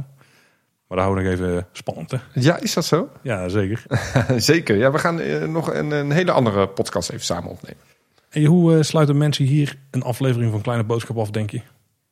Uh, like op de video, maar ja, dat kan niet natuurlijk. dat is mijn afsluiting. Is dat... Wat is dan een typische randstedelijke afsluiting voor een podcast? Hoi hoi. Houdoe. Houdoe, wacht.